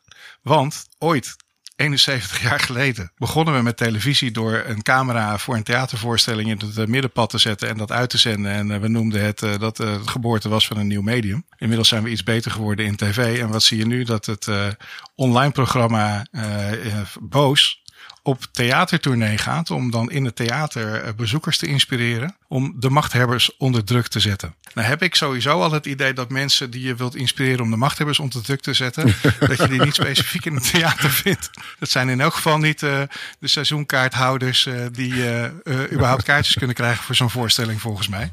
Dat zijn allemaal meer mensen van onze leeftijd, nou ja, van, van mij en Jeroen dan. Maar wat, wat vinden jullie daarvan? Denken jullie dat dit de nieuwe trend is, dat we straks al die televisietitels en Netflix-titels succesvol omgebouwd zien worden tot toneelstukken en, en actietheater? Het geldt natuurlijk voor gemeenten, dus uh, dat werkt sowieso niet. Maar ik, op basis van wat jij zegt, ben ik wel heel, heel erg aan het proberen voor te stellen. Of krijg wel beelden voor me van hoe ziet die boomer-revolutie er dan ongeveer uh, uit. Als de mensen daadwerkelijk iets moeten gaan doen op basis van wat ze zien in het theater. En al die grijze mensen daar in het publiek zitten op uh, theaterstoeltjes. En ze moeten geactiveerd worden, aangezet worden om iets te gaan doen. Nou, volgens mij zijn dat de machthebbers, die mensen. ja, ja. Dus die gaan vrolijk weer naar, naar hun villa in, uh, in uh, wat is het, uh, in Voorburg terug. En nemen nog een borreltje. En dan gaan ze de volgende dag bij de koffieautomaat er nog even over hebben. Maar Leuk. revolutie zal het niet ontketenen. Nou, wat wel grappig is, dat je daar dan weer een camera op zet. Oh. Dus dat je boos met de machthebbers in gesprek laat zijn. Om vervolgens allemaal verward naar huis te sturen. En dat dan vervolgens oh, ja. allemaal filmt. Dat is wel interessant. Ja, of dat je gewoon halverwege je verhaal je ineens richt tot de zaal, de vierde muur doorbreekt. En gewoon die mensen vertelt dat zij het probleem zijn. De Truman Show, ja. Ja, ja, ja. Ik, dat zie ik eigenlijk uh, zie ik wel gebeuren. Nee, ja, ik zie toch wel kansen voor dit format. Ik zie kansen. Ja, ik vind het wel intrigerend, Jeroen. Uh, ik ben wel benieuwd. Ja, of wij kunnen natuurlijk een theatervoorstelling maken van deze podcast. Of is dat nog te vroeg? Ik zou nog even wachten. Laten we eerst onze kledinglijn uitbrengen, Jeroen. Uh, daar zullen we onze handen al vol aan hebben en al die bestellingen verwerken. Ja, en nog 50.000 leden vinden om te zorgen dat we ook 4 miljoen kunnen toucheren voor onze nieuwe omroep die we dan kunnen gaan lanceren. Ja. Maar wat vond jij van, dat, dat weten mensen ook helemaal niet, maar het format wat wij uh, gebruiken is, uh, wij, hebben, wij sleuren dan een uh, nietsvermoedend slachtoffer, zoals in dit geval Jacqueline, in een appgroep. En die wordt dan helemaal bij nacht en ontij gek gepingeld met allemaal linkjes en daar meestal één cryptische of cynische zin onder. Nou ja, het idee is dat je dat dan een beetje bekeken hebt allemaal als je gaat praten. Maar op zich is dat misschien ook wel een model. Moeten we dit, was het leuk om in die, hoe was het? Hoe, wat vond jij daarvan? Nou ja, wat er heel interessant aan is, is dat je dus allerlei dingen voorbij ziet komen, maar ook bronnen ziet die ik normaal gesproken niet raadpleeg. En dus uh, nu wel op mijn lijstje heb staan, omdat ik denk, ja, er staan toch wel hele leuke dingen in om te volgen. Dus ik vond het wel fris eigenlijk. Ik had alleen steeds het idee om ook iets te posten, maar er kwam dan vervolgens helemaal niks op terug. Dus dat vond ik dan oh. wel weer interessant. en waar, ja. hebben we, waar hebben wij onvoldoende op gereageerd? Ja, dat ligt aan onze redactie dan. nou, volgens mij had ik een aantal dingen ook over hoe de jongere doelgroepen naar de wereld kijken. Ja, maar daar hebben we het toch er straks over gehad. Dat toch wat dat betreft het kapitalisme misschien wel op zijn laatste benen loopt en zo. Ja, dat was misschien niet zo heel expliciet uh, uh, gemaakt in, uh, in het stuk. Maar ik vond dat heel interessant. En ik denk ook zeker dat dat een trend is die... ja, ik check dat soort dingen dan. Hè, want jij stuurt dan iets over de jongeren. En dan denk ik, ja, wie ben ik om hier iets van te vinden? Want ja, mm -hmm. ik koester veel illusies. Maar dat ik nog onder de jongeren val, die heb ik wel losgelaten inmiddels. Maar ik check dat dan eens bij een paar jongeren in mijn omgeving. Die, zeggen, die zeiden ook inderdaad van, ja, nee inderdaad, zo is dat. En uh, dat voel ik helemaal op die manier. Dat is zeker wel een, uh, een trend. Ook ja. het hele stuk met zingeving. Ik merk het ook als we mensen interviewen om bij ons te komen werken. Dat het uh, niet alleen maar een, uh, een bla bla verhaal is. Maar dat er echt mensen heel serieus uh, op zoek zijn naar een plek als ze dan toch ergens gaan werken. Waar ze ook echt een goed gevoel kunnen hebben over wat ze uiteindelijk teweeg brengen. En niet alleen wat hun persoonlijke vergoeding wordt of hoeveel macht of ruimte ze krijgen. En ik vond het, het mooie van het artikel ook dat het nu zeg maar een beetje uit het karikaturale getrokken werd. Dus in de zin van het zijn niet allemaal Greta Thunbergs die, uh, die de jongere generatie bepalen hoe, hoe zij acteren in deze wereld. Of het zijn niet allemaal jongeren die last hebben van keuzestress. Dus het, zijn, het is wat minder karikatuur geworden. En daardoor vond ik het voor mijzelf interessanter en inzichtelijker ook om, om te snappen oh, oké, okay, daar gaat het eigenlijk om. in plaats van alleen maar een karikatuur voorbij zien komen. Ja, ja zou, zou het misschien ook zo zijn dat het gewoon evolutie is? Dat we daadwerkelijk als mensheid een stapje verder komen. en misschien uh, van, uh, weet ik veel, door de, de oorlog en de naoorlogse generatie enorm op economie en opbouwen gefocuste mindset. Langzaam maar zeker naar een iets bredere mindset gaan, waarbij we ons wat meer bewust zijn van de wereld en onze omgeving en onze plaats daarin. Het, het piept en het kraakt, hè? Dus het, het is, het, ik denk ook dat het niet anders meer kan. We, we, we zien uiteindelijk ook heel veel gevolgen van hoe we dat hebben ingericht. En de jongeren projecteren dan toch verder in de tijd en kijken, maar wa waar gaan we dan met elkaar naartoe? En dat kun je ook langs bedrijven proberen te beïnvloeden. Dus dat zij deze keuzes maken, ja, daar word ik heel blij van. Ja, ik eh, vind het ook hoopgevend. Het is toch hetgene wat je hoopt uiteindelijk als je kinderen hebt, dan hoop je altijd dat die het beter zullen hebben en dat ze het beter zullen doen dan jij. Je, als je daar dan ook daadwerkelijk signalen van ziet dat die generatie misschien wel iets verder is dan de, de generaties voor ze, nou, dan is dat alleen maar iets om vrolijk van te worden zeker. Het beter is denk ik in hun die definitie alleen gelaagder hè, dan dat wij het. Want het is de eerste generatie die het niet beter gaat krijgen waarschijnlijk dan wij het hebben gehad. Als je het hebt over financiële middelen. Laat staan een huis uh, uh, bezitten en uh, dergelijke. Nou, ik bedoelde hier de hele moraliserende ethische versie van beter inderdaad.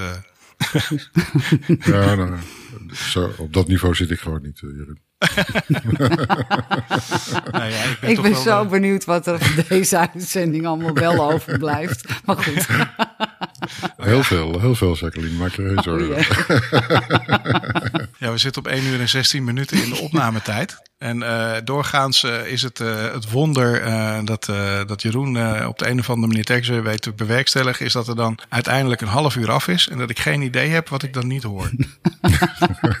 dus volgens mij staat er heel goed teken, want dat betekent dat er niks belangrijks uitgeknipt is. Toch alles wat essentieel is bewaard blijft. Dus daar rekenen we dan maar op. Maar het is ook een stukje overgave, Jacqueline. Wij hebben er niks meer over te zeggen. Wij doen zo meteen stop en dan moeten we maar hopen dat we niet helemaal de moeder geknipt worden. Maar je hebt een, uh, ook een ander artikel uh, gedeeld, Jacqueline, als we het toch hebben over de artikelen waar je geen reactie op had gekregen. En daar kwam eigenlijk geen reactie op, omdat ik, uh, het moest voor mij wat meer geduid worden. Het was een artikel in de serie Strategische Denkers. Een onzinstrategie begint met het idee dat de wereld steeds sneller verandert. En daarna kwam een heleboel nou, mag ik zeggen, bla bla. Heel veel tekst. Met dingen als uh, mijn uitgangspunt is altijd dat je op basis van liefst een psychologisch inzicht aan de slag gaat. Je kijkt naar iets waar je de doelgroep echt mee raakt. En toen dacht ik van ja, uh, voor mij mag het iets uh, plastischer of beeldender uitgelegd uh, worden. Ja, vond het wat abstract? ik vond het wat als een consultant die 500 euro per uur vraagt om een lijvig rapport uit te brengen. Waar dan het bedrijf vervolgens mee zegt, oh we hebben zoveel geld eraan uitgegeven. We zijn super blij met dit advies. En daarna verdwijnt het in het ronde archief en kijkt nooit iemand er meer. Nou, dus wat duiding zou ik op prijs stellen. Waar ging het over? Nou ja, wat, wat ik er gewoon goed aan vond is sowieso de kop dus dat, dat er is echt. Want eigenlijk zegt hij, je moet met een doelgroep inzicht moet je proberen iets te bewerkstelligen. Nou, dat lijkt me sowieso een basisprincipe van een strategisch plan. Uh, dus daar vond ik het niet zozeer uh, uh, zo interessant. Maar wat ik er interessant aan vond, is dat je met elkaar gewoon kijkt of je echt een inzicht hebt, waardoor je met een doelgroep kan communiceren op een relevante manier. Ik denk dat dat laatste ontbrak in het artikel. Hè? Dus bijvoorbeeld als, jij, als in wat we zeiden over Zeeman. Dat past zo bij dat merk en dat slaat dus ook zo erg aan. Dat dat is een hele mooie strategische route waar ze volgens mij al vier jaar op zitten. Ja. En het gaat van kleding naar parfum naar lucht. Hè? En, dan, en, dat, dus, en dat beklijft. En mensen begrijpen dat intuïtief, omdat het past bij het merk. En ik denk dat er heel veel strategieën geschreven worden die uiteindelijk deze basis, om even dat als concreet voorbeeld te nemen, niet hebben. En die denken, ja, om nou, de metaverse ingaan bijvoorbeeld, op basis van welk inzicht? Ja. Op basis van welke doelstelling doe je dat dan? En hoe past dat dan bij je merk? En waarom is dat uniek voor jouw merk? dus dan gaat het middel de boventoon voeren in plaats van je strategie. En daarom vond ik sowieso om deze discussie daarover te kunnen hebben, of, of iemand die in ieder geval positie kiest, of dat nou consultancy is of niet, maar hij kiest een positie. En dat maakte wel dat ik er dus hier op deze manier over na ging denken. Als ik even voor de luisteraar mag duiden dat het hier gaat over een artikel uh, uh, wat uh, door Aart Lensink gedebuteerd werd. En Aart Lensink die kennen we natuurlijk allemaal als de grote goeroe en denker achter content marketingorganisatie LVB. Onlangs gefuseerd en samengegaan met een nog groter en machtiger bedrijf. Maar Aart is echt wel iemand die door de rol geverfd heeft en niet een blaaskaken consultant zoals jij typeerde. Dus ik kan je geruststellen Jeroen, dat valt reuze mee. Aard is ook een Feyenoorder, dat helpt ook enorm natuurlijk. Uh, dat terzijde. Um, maar het, wat, wat, wat hij zei en wat bij mij wel uh, echt wel resoneerde was van joh, het inzicht uh, of het verhaal dat de wereld steeds sneller verandert is totale onzin. Maar dat is, weet je, de wereld verandert steeds sneller is totale onzin. En het gaat steeds slechter met de jeugd van tegenwoordig is even goed totale onzin. En toch zijn dat van die dingen die je continu terug hoort. Nou, er zijn werken van Romeinen uit de tijd van Marcus Aurelius waarin, waarin al staat dat het binnen drie generaties afgelopen is met de mensheid als het zich zo door blijft ontwikkelen. En dat is gewoon een gevoel wat elke oudere eh, op een gegeven moment in zijn leven gaat ontwikkelen. Uh, maar wat gelukkig niet gebaseerd is op de, op de werkelijkheid. En dat is denk ik uh, ook in die zin wel een wake-up call. Dat we goed moeten oppassen dat we niet op een gegeven moment, als we wat, wat ouder worden en wat gevestigder worden, of het nou is als mens of als merk, dat we niet op een gegeven moment die gemakzucht induiken en op ja, een soort van herhalingsoefening gaan. Maar dat we echt wel proberen om te zorgen dat we in contact blijven met wat de mensen die nu leven voelen en ervaren. En uh, dat we daar ook recht aan doen. Omdat daar wel ontwikkeling in zit. En die mensen wel op een andere manier naar de wereld kijken dan vroeger. En ja, zo kan het dan ook gebeuren dat een merk als Zeeman bij mij vroeger als goedkoop en ordinair ergens achter in mijn hersenpan zat. En dat ik het tegenwoordig intelligent en, en edgy vind als merk. Weet je, dat is wel iets wat ze bewerkstelligd hebben door heel goed te kijken naar wat mensen vinden. En daar hun eigen communicatiestrategie, maar ook de inhoud van hun merk en hun producten op aan te passen. Klinkt voor mij als een open deur van. Het is uh, vanzelfsprekend of heel logisch dat je een campagne doet op basis van je inzichten en niet gewoon om geld over de bühne te gooien en uh, te kijken of je daar iets mee uh, bereikt. Uh, hè, want alle metertjes kunnen, kunnen altijd aantonen dat je, dat je campagne super succesvol is. Maar kan je dan zo vijf merken noemen die dit, omdat het zo voor de hand liggend is, allemaal goed doen? Nee, nee, nee. Maar daarom zeg ik ook van, het klinkt, het klinkt zo logisch als een open deur. Misschien juist omdat je ziet dat het te vaak niet gebeurt, snap je inderdaad dat het, dat het logisch is dat je er wel op die manier naar moet kijken. Hij ging alleen nog een stapje verder. Dus want als je het Zeeman voorbeeld neemt, zou je zeggen van, Zeeman maakt eigenlijk handig gebruik van, laten we zeggen, het slechte imago of het goedkope imago wat ze hebben, door daar een tegenovergestelde positie te,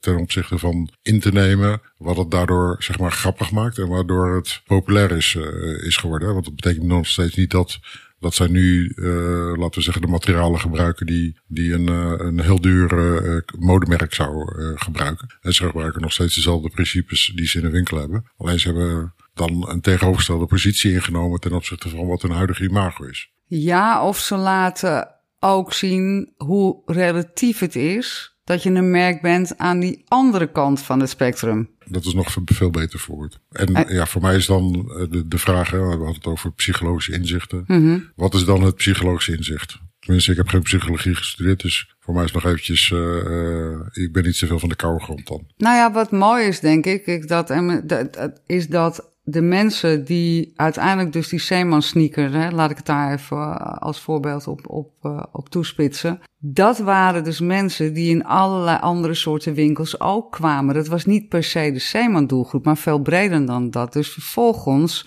is dat dus ook veel inclusiever. Hè? Dus dat, dat je daarin ook geen verschil maakt onderling. Dus er zaten wel wat diepere lagen onder. Dat uiteindelijk dat merk maakt niet wie jij bent. En zij hebben dat vertaald door dus een sneaker uit te brengen, waardoor een run-up was en uitverkocht was. Hè? Dus dat dezelfde principes die je dus bij de hele dure merken ziet, ook bij Seeman was. En ergens brengt dat mensen ook wel bij elkaar. Dus dat het verschil niet in die portemonnee zit, zullen we maar even zeggen. Dus eigenlijk zijn de mensen die misschien normaal de PC Hoofdstraat inlopen in een dure winkel, vonden dit ook wel een aantrekkelijk idee. Juist omdat er bepaalde manier ook schaarste gecreëerd uh, werd, in ieder geval in de beeldvorming. Ja, ik denk, ze maakt gebruik van dezelfde inzichten en de principes. En ik denk dat daar ook, en, en met, een, met een grap, hè? Het, is, het is ook gewoon met een glimlach om je mond. Is dat toch ook hoe zij dat deden? Ik vind het razend knap. Als je mensen tegelijkertijd uh, iets kan laten begeren en op de hak neemt, dan ben je voor mij een communicatiekoning. Nee, daarom zei ik ook van, voor mij komt het over als zij nemen een, een tegenovergestelde positie in, waardoor het grappig wordt. Uh, waardoor het zo'n succes ook, uh, ook geworden is. Want het is ook een bepaalde manier van zelfsport of, of relativering die je dan, ja. uh, die je dan inneemt.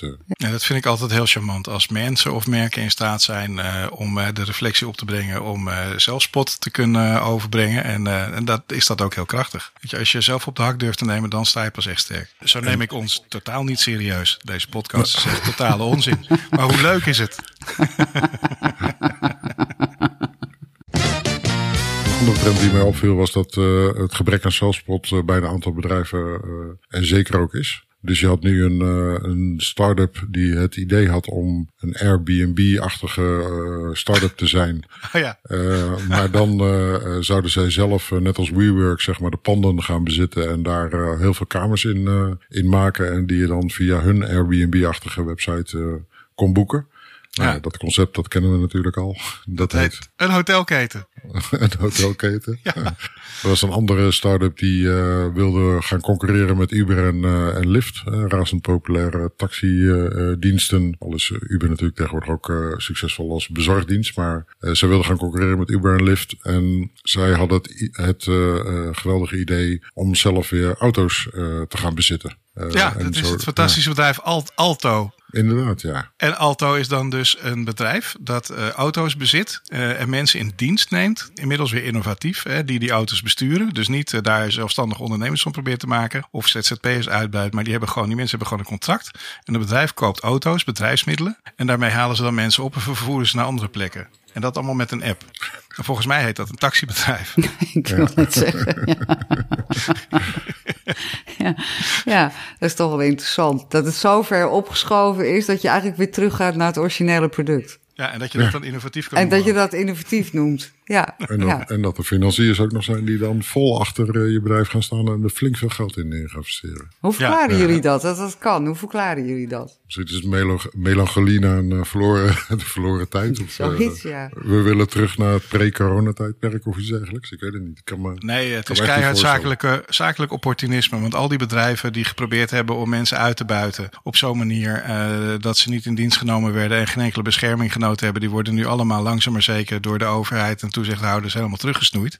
En zodra dat gebeurt, uh, is er een gat in de markt. En uh, wat moet je dan hebben? Een bedrijf wat wel een fatsoenlijk werkende app heeft en verder niet dat nare businessmodel. En dan kan je mooi in dat gat in de markt springen. Dus volgens mij is het uh, ja, gewoon slim.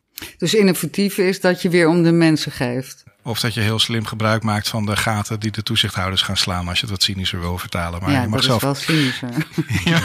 je mag zelf kiezen welke versie je leuk vindt. Het is een beetje dat spel uitspelen of niet, zeg maar. Ja, ja. ja ik, ik merk dat ik hier in de ongezellige hoek gedrukt word. Dit gaat niet goed. Uh, wat uh, onze luisteraars nooit weten, is uh, dat wij dus niet bij elkaar in de buurt zijn, maar dat wij elk op een totaal andere plek zitten. En dat wij alleen maar elkaar zien via video als we dit opnemen. En dat helpt wel. Uh, want dan zie je af en toe nog eens iemand heel moeilijk kijken als je iets doms uh, lijkt te zeggen. of bijvoorbeeld heel hard lachen. Uh, maar dan ook met overtuiging op het moment dat er iets wel grappigs gedebiteerd wordt. Maar um, wat vinden jullie? Moeten wij dit niet ook als een videopodcast gaan, gaan uitbrengen? Zou dat helpen? Want Spotify gelooft ik keihard in een videopodcast. Wat vind jij, Jacques? Je bent nu een dik uur met ons in de video. zou het iets toevoegen als we dit met video mee zouden verpakken? Of zeg je nee joh, laat lekker audio? Ik zou het lekker audio laten, eerlijk gezegd. Ja. Ja. Oké, ja. ja. Het, wat ook een beetje, nou misschien ook wel heel praktisch gedacht, maar het maakt het knippen ook zo lastig. Gewoon zo'n hele onlogische videostream erachter hebt. Ja. Oh ja, nee, ik, ik ben wel blij dat je dat erachteraan zet. Want ik was zo bang dat er toch een soort verkapt commentaar op ons uiterlijk was. Maar uh, met deze uitleg kan ik leven. Ja, ik heb het laatst ook uh, nog geprobeerd. Dus uh, af en toe luister ik naar de, de All-In uh, podcast. Jason Kalakanis, als ik het goed uitspreek, is daar de, de host van. Die had een, een fitty met, met jouw grote vriend, hoe heet hij ook weer? Paul. De, ja, ja. Maar toen dacht ik, ik ga eventjes ook wel proberen om wat van hun podcast uh, te bekijken. En uh, ze hebben dat op zich goed opgezet. Dus degene die spreekt is ook daadwerkelijk alleen in beeld. En de camera springt dus tussen alle vier de personen. Hoe ze dat precies gedaan hebben, vind ik überhaupt al knap. Hè? Dat, is, dat het geluid blijkbaar detecteert welke camera aan moet. Of, of alles is uiteindelijk nog een keer geëdit. maar volgens mij is dat niet het geval. maar ik moet zeggen, ik vind de aantrekkelijkheid ook nog steeds van radio is het alleen hebben van, van geluid, zelfs als je aan het werk bent en je hebt op de achtergrond wat opstaan of iets dergelijks, maakt radio een veel warmer en intensiever eh, medium dan, dan met beeld erbij. Uh, dus ik ben sowieso geen fan en dat is niet omdat ik een boomer ben, maar omdat ik geloof in, in de warmte van het medium, uh, zeg maar audio alleen. Ik ben het heel erg met je eens. Ja, ik denk dat dat voegt echt iets toe, omdat eh, je, je veel meer bij je eigen gedachten kunt blijven. En er en ontstaat ook omdat je mensen niet ziet, een wereld omheen. Dat is de kracht van radio, hè? wat ze dat ze de, de theater of the mind noemen. Ja. Uh, ja. Dus ik ben het eens. Ja, en het ding is met video, um, om te beginnen eh, neemt het, neemt het aantal gebruiksmomenten keihard af. Want uh, ja, video kijken in de auto is heel lastig, maar een podcast luisteren is hartstikke lekker. Ik moet elke dag een uur heen en een uur terugrijden. En dat is uh, zeker een, de helft daarvan zijn podcasturen. Dus dat, dat is top, maar dat kan ik met video niet. En je kan het ook niet doen als je aan het hardlopen bent. of ja, weet je, dus het beperkt het aantal gebruiksmomenten. Maar het beperkt ook de bandbreedte in je hoofd. Want als je audio moet verwerken en video, dan blijft er heel weinig ruimte over voor jezelf om er nog iets van te vinden of iets mee te doen in je, ergens in je herspan. Dat is uh, en ook van mijn ervaring. En inderdaad, die mensen die uh, dan uh, een soort sfeerbeeld hebben van dat wij met z'n drieën om een klein tafeltje zitten met een, een schemerlamp of een brandende kaars. En allemaal een koeldrankje in de hand hebben. Ja, weet je, dat moet je ze ook gewoon gunnen, dat beeld. Oké, dus we houden het gewoon vooral zo. We gaan niet uh, in een YouTube-achtige studio-setting uh, verder met de podcast. Nee, en ik denk ook dat Spotify het fout heeft. Maar je weet dat ik het uh, doorgaans niet eens ben met wat Spotify doet. Dat vind ik echt een slecht bedrijf. ze hebben helaas een, een fantastische basisdienst en een mooi monopolie ondertussen in Europa. Maar ik geloof niet dat dat inzet op videopodcast door iets anders ingegeven is dan dat iemand in een spreadsheet gekeken heeft en gezegd heeft: hé, hey, dat video-advertising dat levert veel meer geld op dan die stomme banners of audio. Dus we gaan videopodcast doen. Zo voelt het enorm. Maar aan de andere kant is natuurlijk ook het geval uh, YouTube probeert natuurlijk ook podcasters binnen te halen om zeg maar de, de video uh, ads uh, te exploiteren dan omdat die inderdaad veel winstgevender zijn. Dus iedereen vindt blijkbaar de podcastmarkt wel super interessant. Wat mij nog steeds bij de vraag brengt dat in Nederland is nu Podimo gelanceerd waarbij een Deens bedrijf eigenlijk uh, de top, uh, wat is het, top 50 uh, podcast zeg maar bijna heeft op, opgekocht. En gedeeltelijk achter een, een paywall of een abonnementsmodel heeft gezet. Ik ben nog steeds benieuwd, want jij deelde in ieder geval Jeroen dat er heel veel luisteraars zijn naar podcasts in Nederland. Bijna 7 miljoen, bijna 7 miljoen. Dat is toch ongelooflijk? Dat is bijna de helft van de Nederlanders. Maar hoeveel van die 7 miljoen zijn er nou daadwerkelijk ook wel bereid om, om zo'n betaalde dienst af, af te nemen dan als een, als een Podimo app met de bijbehorende zeg maar toptitels die ze gekocht hebben. Ja, ik hoor jou een vraag stellen waar eigenlijk het antwoord al in, uh, in besloten ligt. oh maar ja, was hoor, dat zo obvious? Maar ik hoor mezelf ook zeggen een paar jaar geleden als uh, zelfbenoemd goeroe. Ja, mensen gaan natuurlijk nooit meer dan één contentabonnement nemen. Dus uh, de kans dat we straks met zes streamingdiensten allemaal in huis zitten die allemaal een tientje per maand kosten, die lijkt me echt nul. Nou, ik durf niet te vertellen hoeveel betaalde streamingdiensten wij op dit moment in huis hebben qua abonnementen. Maar ik ben bang dat ik die 60 euro makkelijk haal. Dus ja, om nu te gaan roepen dat mensen niet gaan betalen voor podcast, wat pas echt een prachtig medium is. Ja, dat durf ik nu dus niet meer. hoe, eh, hoe, hoe, hoe doe jij dat, Jacques? Ben jij overal op geabonneerd of let je enorm op de kleintjes? Of wat is jouw positie? Ik, ben ik denk dat ik bijna op in ieder geval de grote bekende diensten allemaal heb. Ja. ja, ja. En ik denk dat op een of andere manier ben ik nog niet zo ver met podcasts. Maar ik ga er natuurlijk op een gegeven moment een aantal missen. En dan denk ik dat je dat toch weer gaat doen beetje prijsstelling natuurlijk meegenomen daarin. Maar ik, net wat jij zegt, ik had ook niet verwacht dat ik zes van die diensten zou hebben in een uh, abonnementsvorm. Nee. nee. Nee, ik heb ze wel. Ja. ja. Maar dat Podimo, laten we heel even eerlijk wezen, dat is toch een soort van uh, leesmap van de Nederlandse podcastwereld. Uh, daar zitten wij bijvoorbeeld gewoon niet eens in. Nou ja, dan kun je zo moeilijk compleet noemen. nou ja, dat is dus echt wel interessant. Want volgens mij is het juist zo leuk met podcast dat je op je interesse, dus eigenlijk op niches, hè, als je het in, in, in massa, massamedia termen zou willen zeggen, je, je kiest een vertical en daar heb je een podcast op, dat dat ook zo interessant is daaraan. Dus ik ben ook benieuwd welke 50 ze dan hebben geselecteerd. Ja. Moet ik dan denken aan een soort Afro-Tros-programmering? Of waar, waar, moet ik dan aan denken? Wat hebben ze dan meegenomen als de top 50? Nou, de, degene die met de, de hoogste luisterdichtheid, uh, dus die in de, in de lijstjes uh, allemaal bovenaan staan. En dat zijn, uh, volgens mij in Nederland waren dat maar twee, twee uitgevers of zo. Dus één is dan Tony Media, mm -hmm. het ja. bedrijf van Sander Schimmelpenning mm -hmm. en en de andere is dag, dus dag en nacht is die andere. En uh, ze hebben natuurlijk uh, als uh, PR-persoon Alexander Klupping ingehuurd. Om het ook wat meer kracht bij te zetten. Maar zijn podcast is natuurlijk ook die kant op verhuisd. Mm -hmm. maar ik dacht dat, dat het concept van de Podimo-app ook was dat zij gewoon een open podcastplayer zijn. Hè? Dus dat je ook gewoon alle gratis podcast gewoon kan luisteren in een, in een app. Ja, precies. Maar is dat dan weer met advertising of is dat Nee, dat is het hele probleem natuurlijk. Dat eigenlijk podcasts fantastische media zijn. Die helaas uh, schreeuwend zonder businessmodel zitten. En daarom op een gegeven moment iemand verzonnen heeft. Weet je wat, als we nou een heleboel bij elkaar keilen. Met flink bereik, dan willen mensen daar misschien wel voor betalen. Want dat met die uh, ingesproken commercials elke keer. Ja, elke podcastplayer heeft inmiddels de skip 15 en skip 30 functie. Daar willen adverteerders helemaal niet zo graag voor betalen. Ook al niet omdat het, uh, zoals we daar straks al bespraken, interruptieve advertising is. Wat sowieso eigenlijk al niet meer van deze tijd is. Ja. Dus om dan met je enorm ouderwetse advertentiemodel in een enorm nieuw hip medium te gaan zitten, dan laat je als merk ook alweer zien dat je het niet echt begrepen hebt. Dus ja, volgens mij is dit een, uh, een businessmodel als oplossing voor het probleem dat er in de content eigenlijk niet zo lekker een uh, commerciële propositie te vouwen viel. En, en ik vind de inscript sponsoring trouwens ook van een belabberd niveau. Dat is dan oh, nou. vriend van de show. En dan gaan we het eens ineens hebben over shampoo. In een podcast ja. die heel ergens anders over gaat. Ik vind het echt. Ja, nou ja, en het gênante is dat de meeste podcasters uiteindelijk dan kiezen voor een soort van ironische. Nou, dan gaan we het nu even heel spontaan hebben over onze sponsor, Thuisbezorgd. Hebben jullie ook zo'n honger, jongens? Weet je wel, out of the blue. En dan hoor je wat ongemakkelijke lachjes. Ze zeggen, ja, het is een beetje raar. Maar ja, we zijn wel heel dankbaar dat thuisbezorgd.nl. Ga daar naartoe. En gratis pizza als la la la. Weet je, het is toch allemaal te gênant voor woorden, of niet? Ja, ik, nou, wat ik zeg, een belabberd niveau. Het is echt heel slecht. Ja.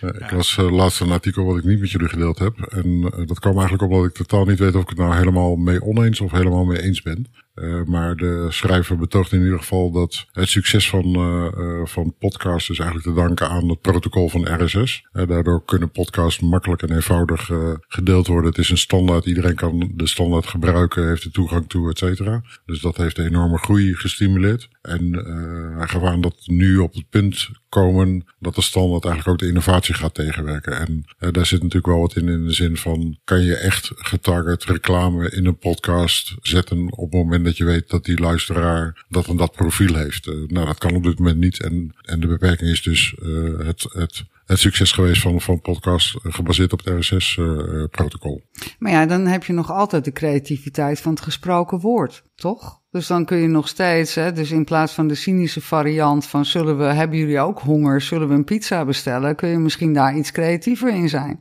Alleen dan uh, kan je het natuurlijk niet personaliseren in de zin van, we hebben ook luisteraars in, uh, waar zitten ze allemaal, uh, hier naar Latijns-Amerika bijvoorbeeld, zitten ook Nederlandse luisteraars in markten waarvoor onze boodschap dan misschien totaal niet relevant zouden zijn. Als wij wel een creatief en, goed goed gepitchte scripten hierin zouden pluggen. Ik ben ook, uh, eigenlijk ben ik het denk ik uh, wel eens met het artikel, maar niet op basis van hetgene wat jij nu zegt. Uh, ook nog op, ik weet niet of RSS nou echt een beperkende factor is, maar um, ook veel meer het feit dat, en dat hebben we in het verleden al een keer besproken, er was een ander artikel waaruit bleek dat we bijna evenveel podcasts hebben als mensen die echt meer dan drie podcasts per maand luisteren. Dus fragmentatie is in dit spectrum van het media ook een heel groot probleem. Want ja, leuk target is hartstikke mooi, maar als een grote podcast 10.000 luisteraars heeft. En je gaat daar wat targetingcriteria op loslaten. Nou, dat is inmiddels ook uh, een bekend fenomeen op het internet. Elke marketeer zegt dat hij heel graag uh, wil betalen voor de juiste doelgroep en niet voor waste. Maar als je marketeer de kans geeft om drie targetingcriteria te stapelen, dan roepen ze allemaal, maar hoeveel bereik hou ik dan over?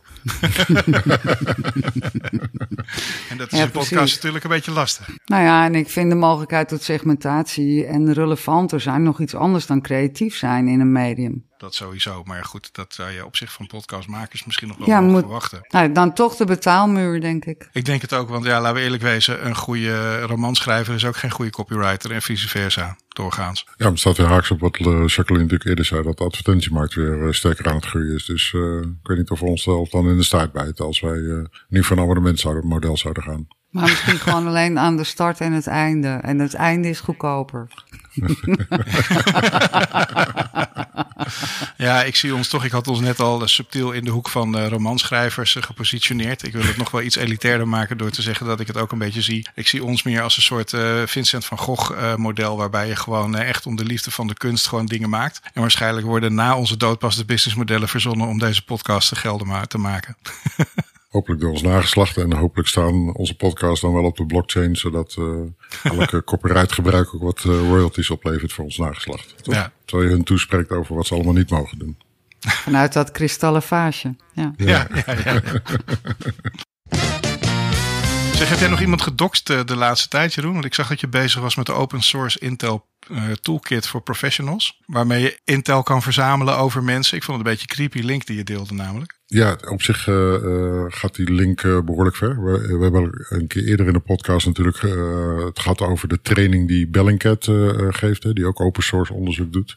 En dit is een ander collectief die zich OSINT noemen. En ik kwam het toevallig tegen omdat zij ook heel erg duidelijk alles wat in Oekraïne gebeurt op dit moment, eh, alle beelden zeg maar aan het eh, klassificeren zijn op, eh, op echtheid, is, eh, waar is het gebeurd, et cetera. En eh, eigenlijk een boekje opendeden en best wel een groot boekje opendeden over welke technieken eh, zij dan eh, gebruiken. En ja, dan komt het vooral aan op, op de gebruiker. Hoe gaat de gebruiker daarmee om? Als jij het voor slechte, met je slechte geweten iemand wil gaan doxen en thuis wil bezoeken met een trekker, ja, dan kan je die technieken natuurlijk ook, ook gebruiken. Net zoals de, dat ze zeg maar voor goede doelstellingen gebruikt worden. In dit geval door de locaties van waar oorlogsmisdadig in, in eh, Oekraïne plaatsvinden. Om die eh, bekend te maken en eh, materiaal te verzamelen. Ja, nee, die open source bronnen om te kijken of is het te fact-checken. Of iets echt wel klopt. Ik ken een jonge Vlaamse jongen die daar echt heel goed in is. En die heeft daar inmiddels een complete carrière van gemaakt. En elke keer dat er eh, een of andere populist een filmpje van twintig jaar geleden gebruikt. En roept, eh, kijk dus wat vreselijks eh, wat er hier gebeurt eh, bij een partij die mij niet wel gevallig is. Is hij degene die dan vervolgens zegt van, kijk, dit is het originele filmpje. En dit is het filmpje wat deze rakker gepost heeft. En dat is dus inderdaad twintig jaar oud. En is helemaal niet zo'n iets wat nu gebeurt. Weet je, dat vind ik een fantastische toepassing van die open source intelligence. Want die jongen zit gewoon eh, ergens in België op zijn eh, zolderkamer achter zijn laptop. En die debunkt het ene na het andere onzinverhaal. En dat is natuurlijk fantastisch. Uh, maar inderdaad, als je die tools gaat uh, gebruiken om te kijken uh, waar de voorzitter van je voetbalclub woont, of de commercieel directeur, omdat het transferbeleid je niet bevalt. Het is wat dat betreft wel een, een redelijk krachtig wapen aan het worden, dat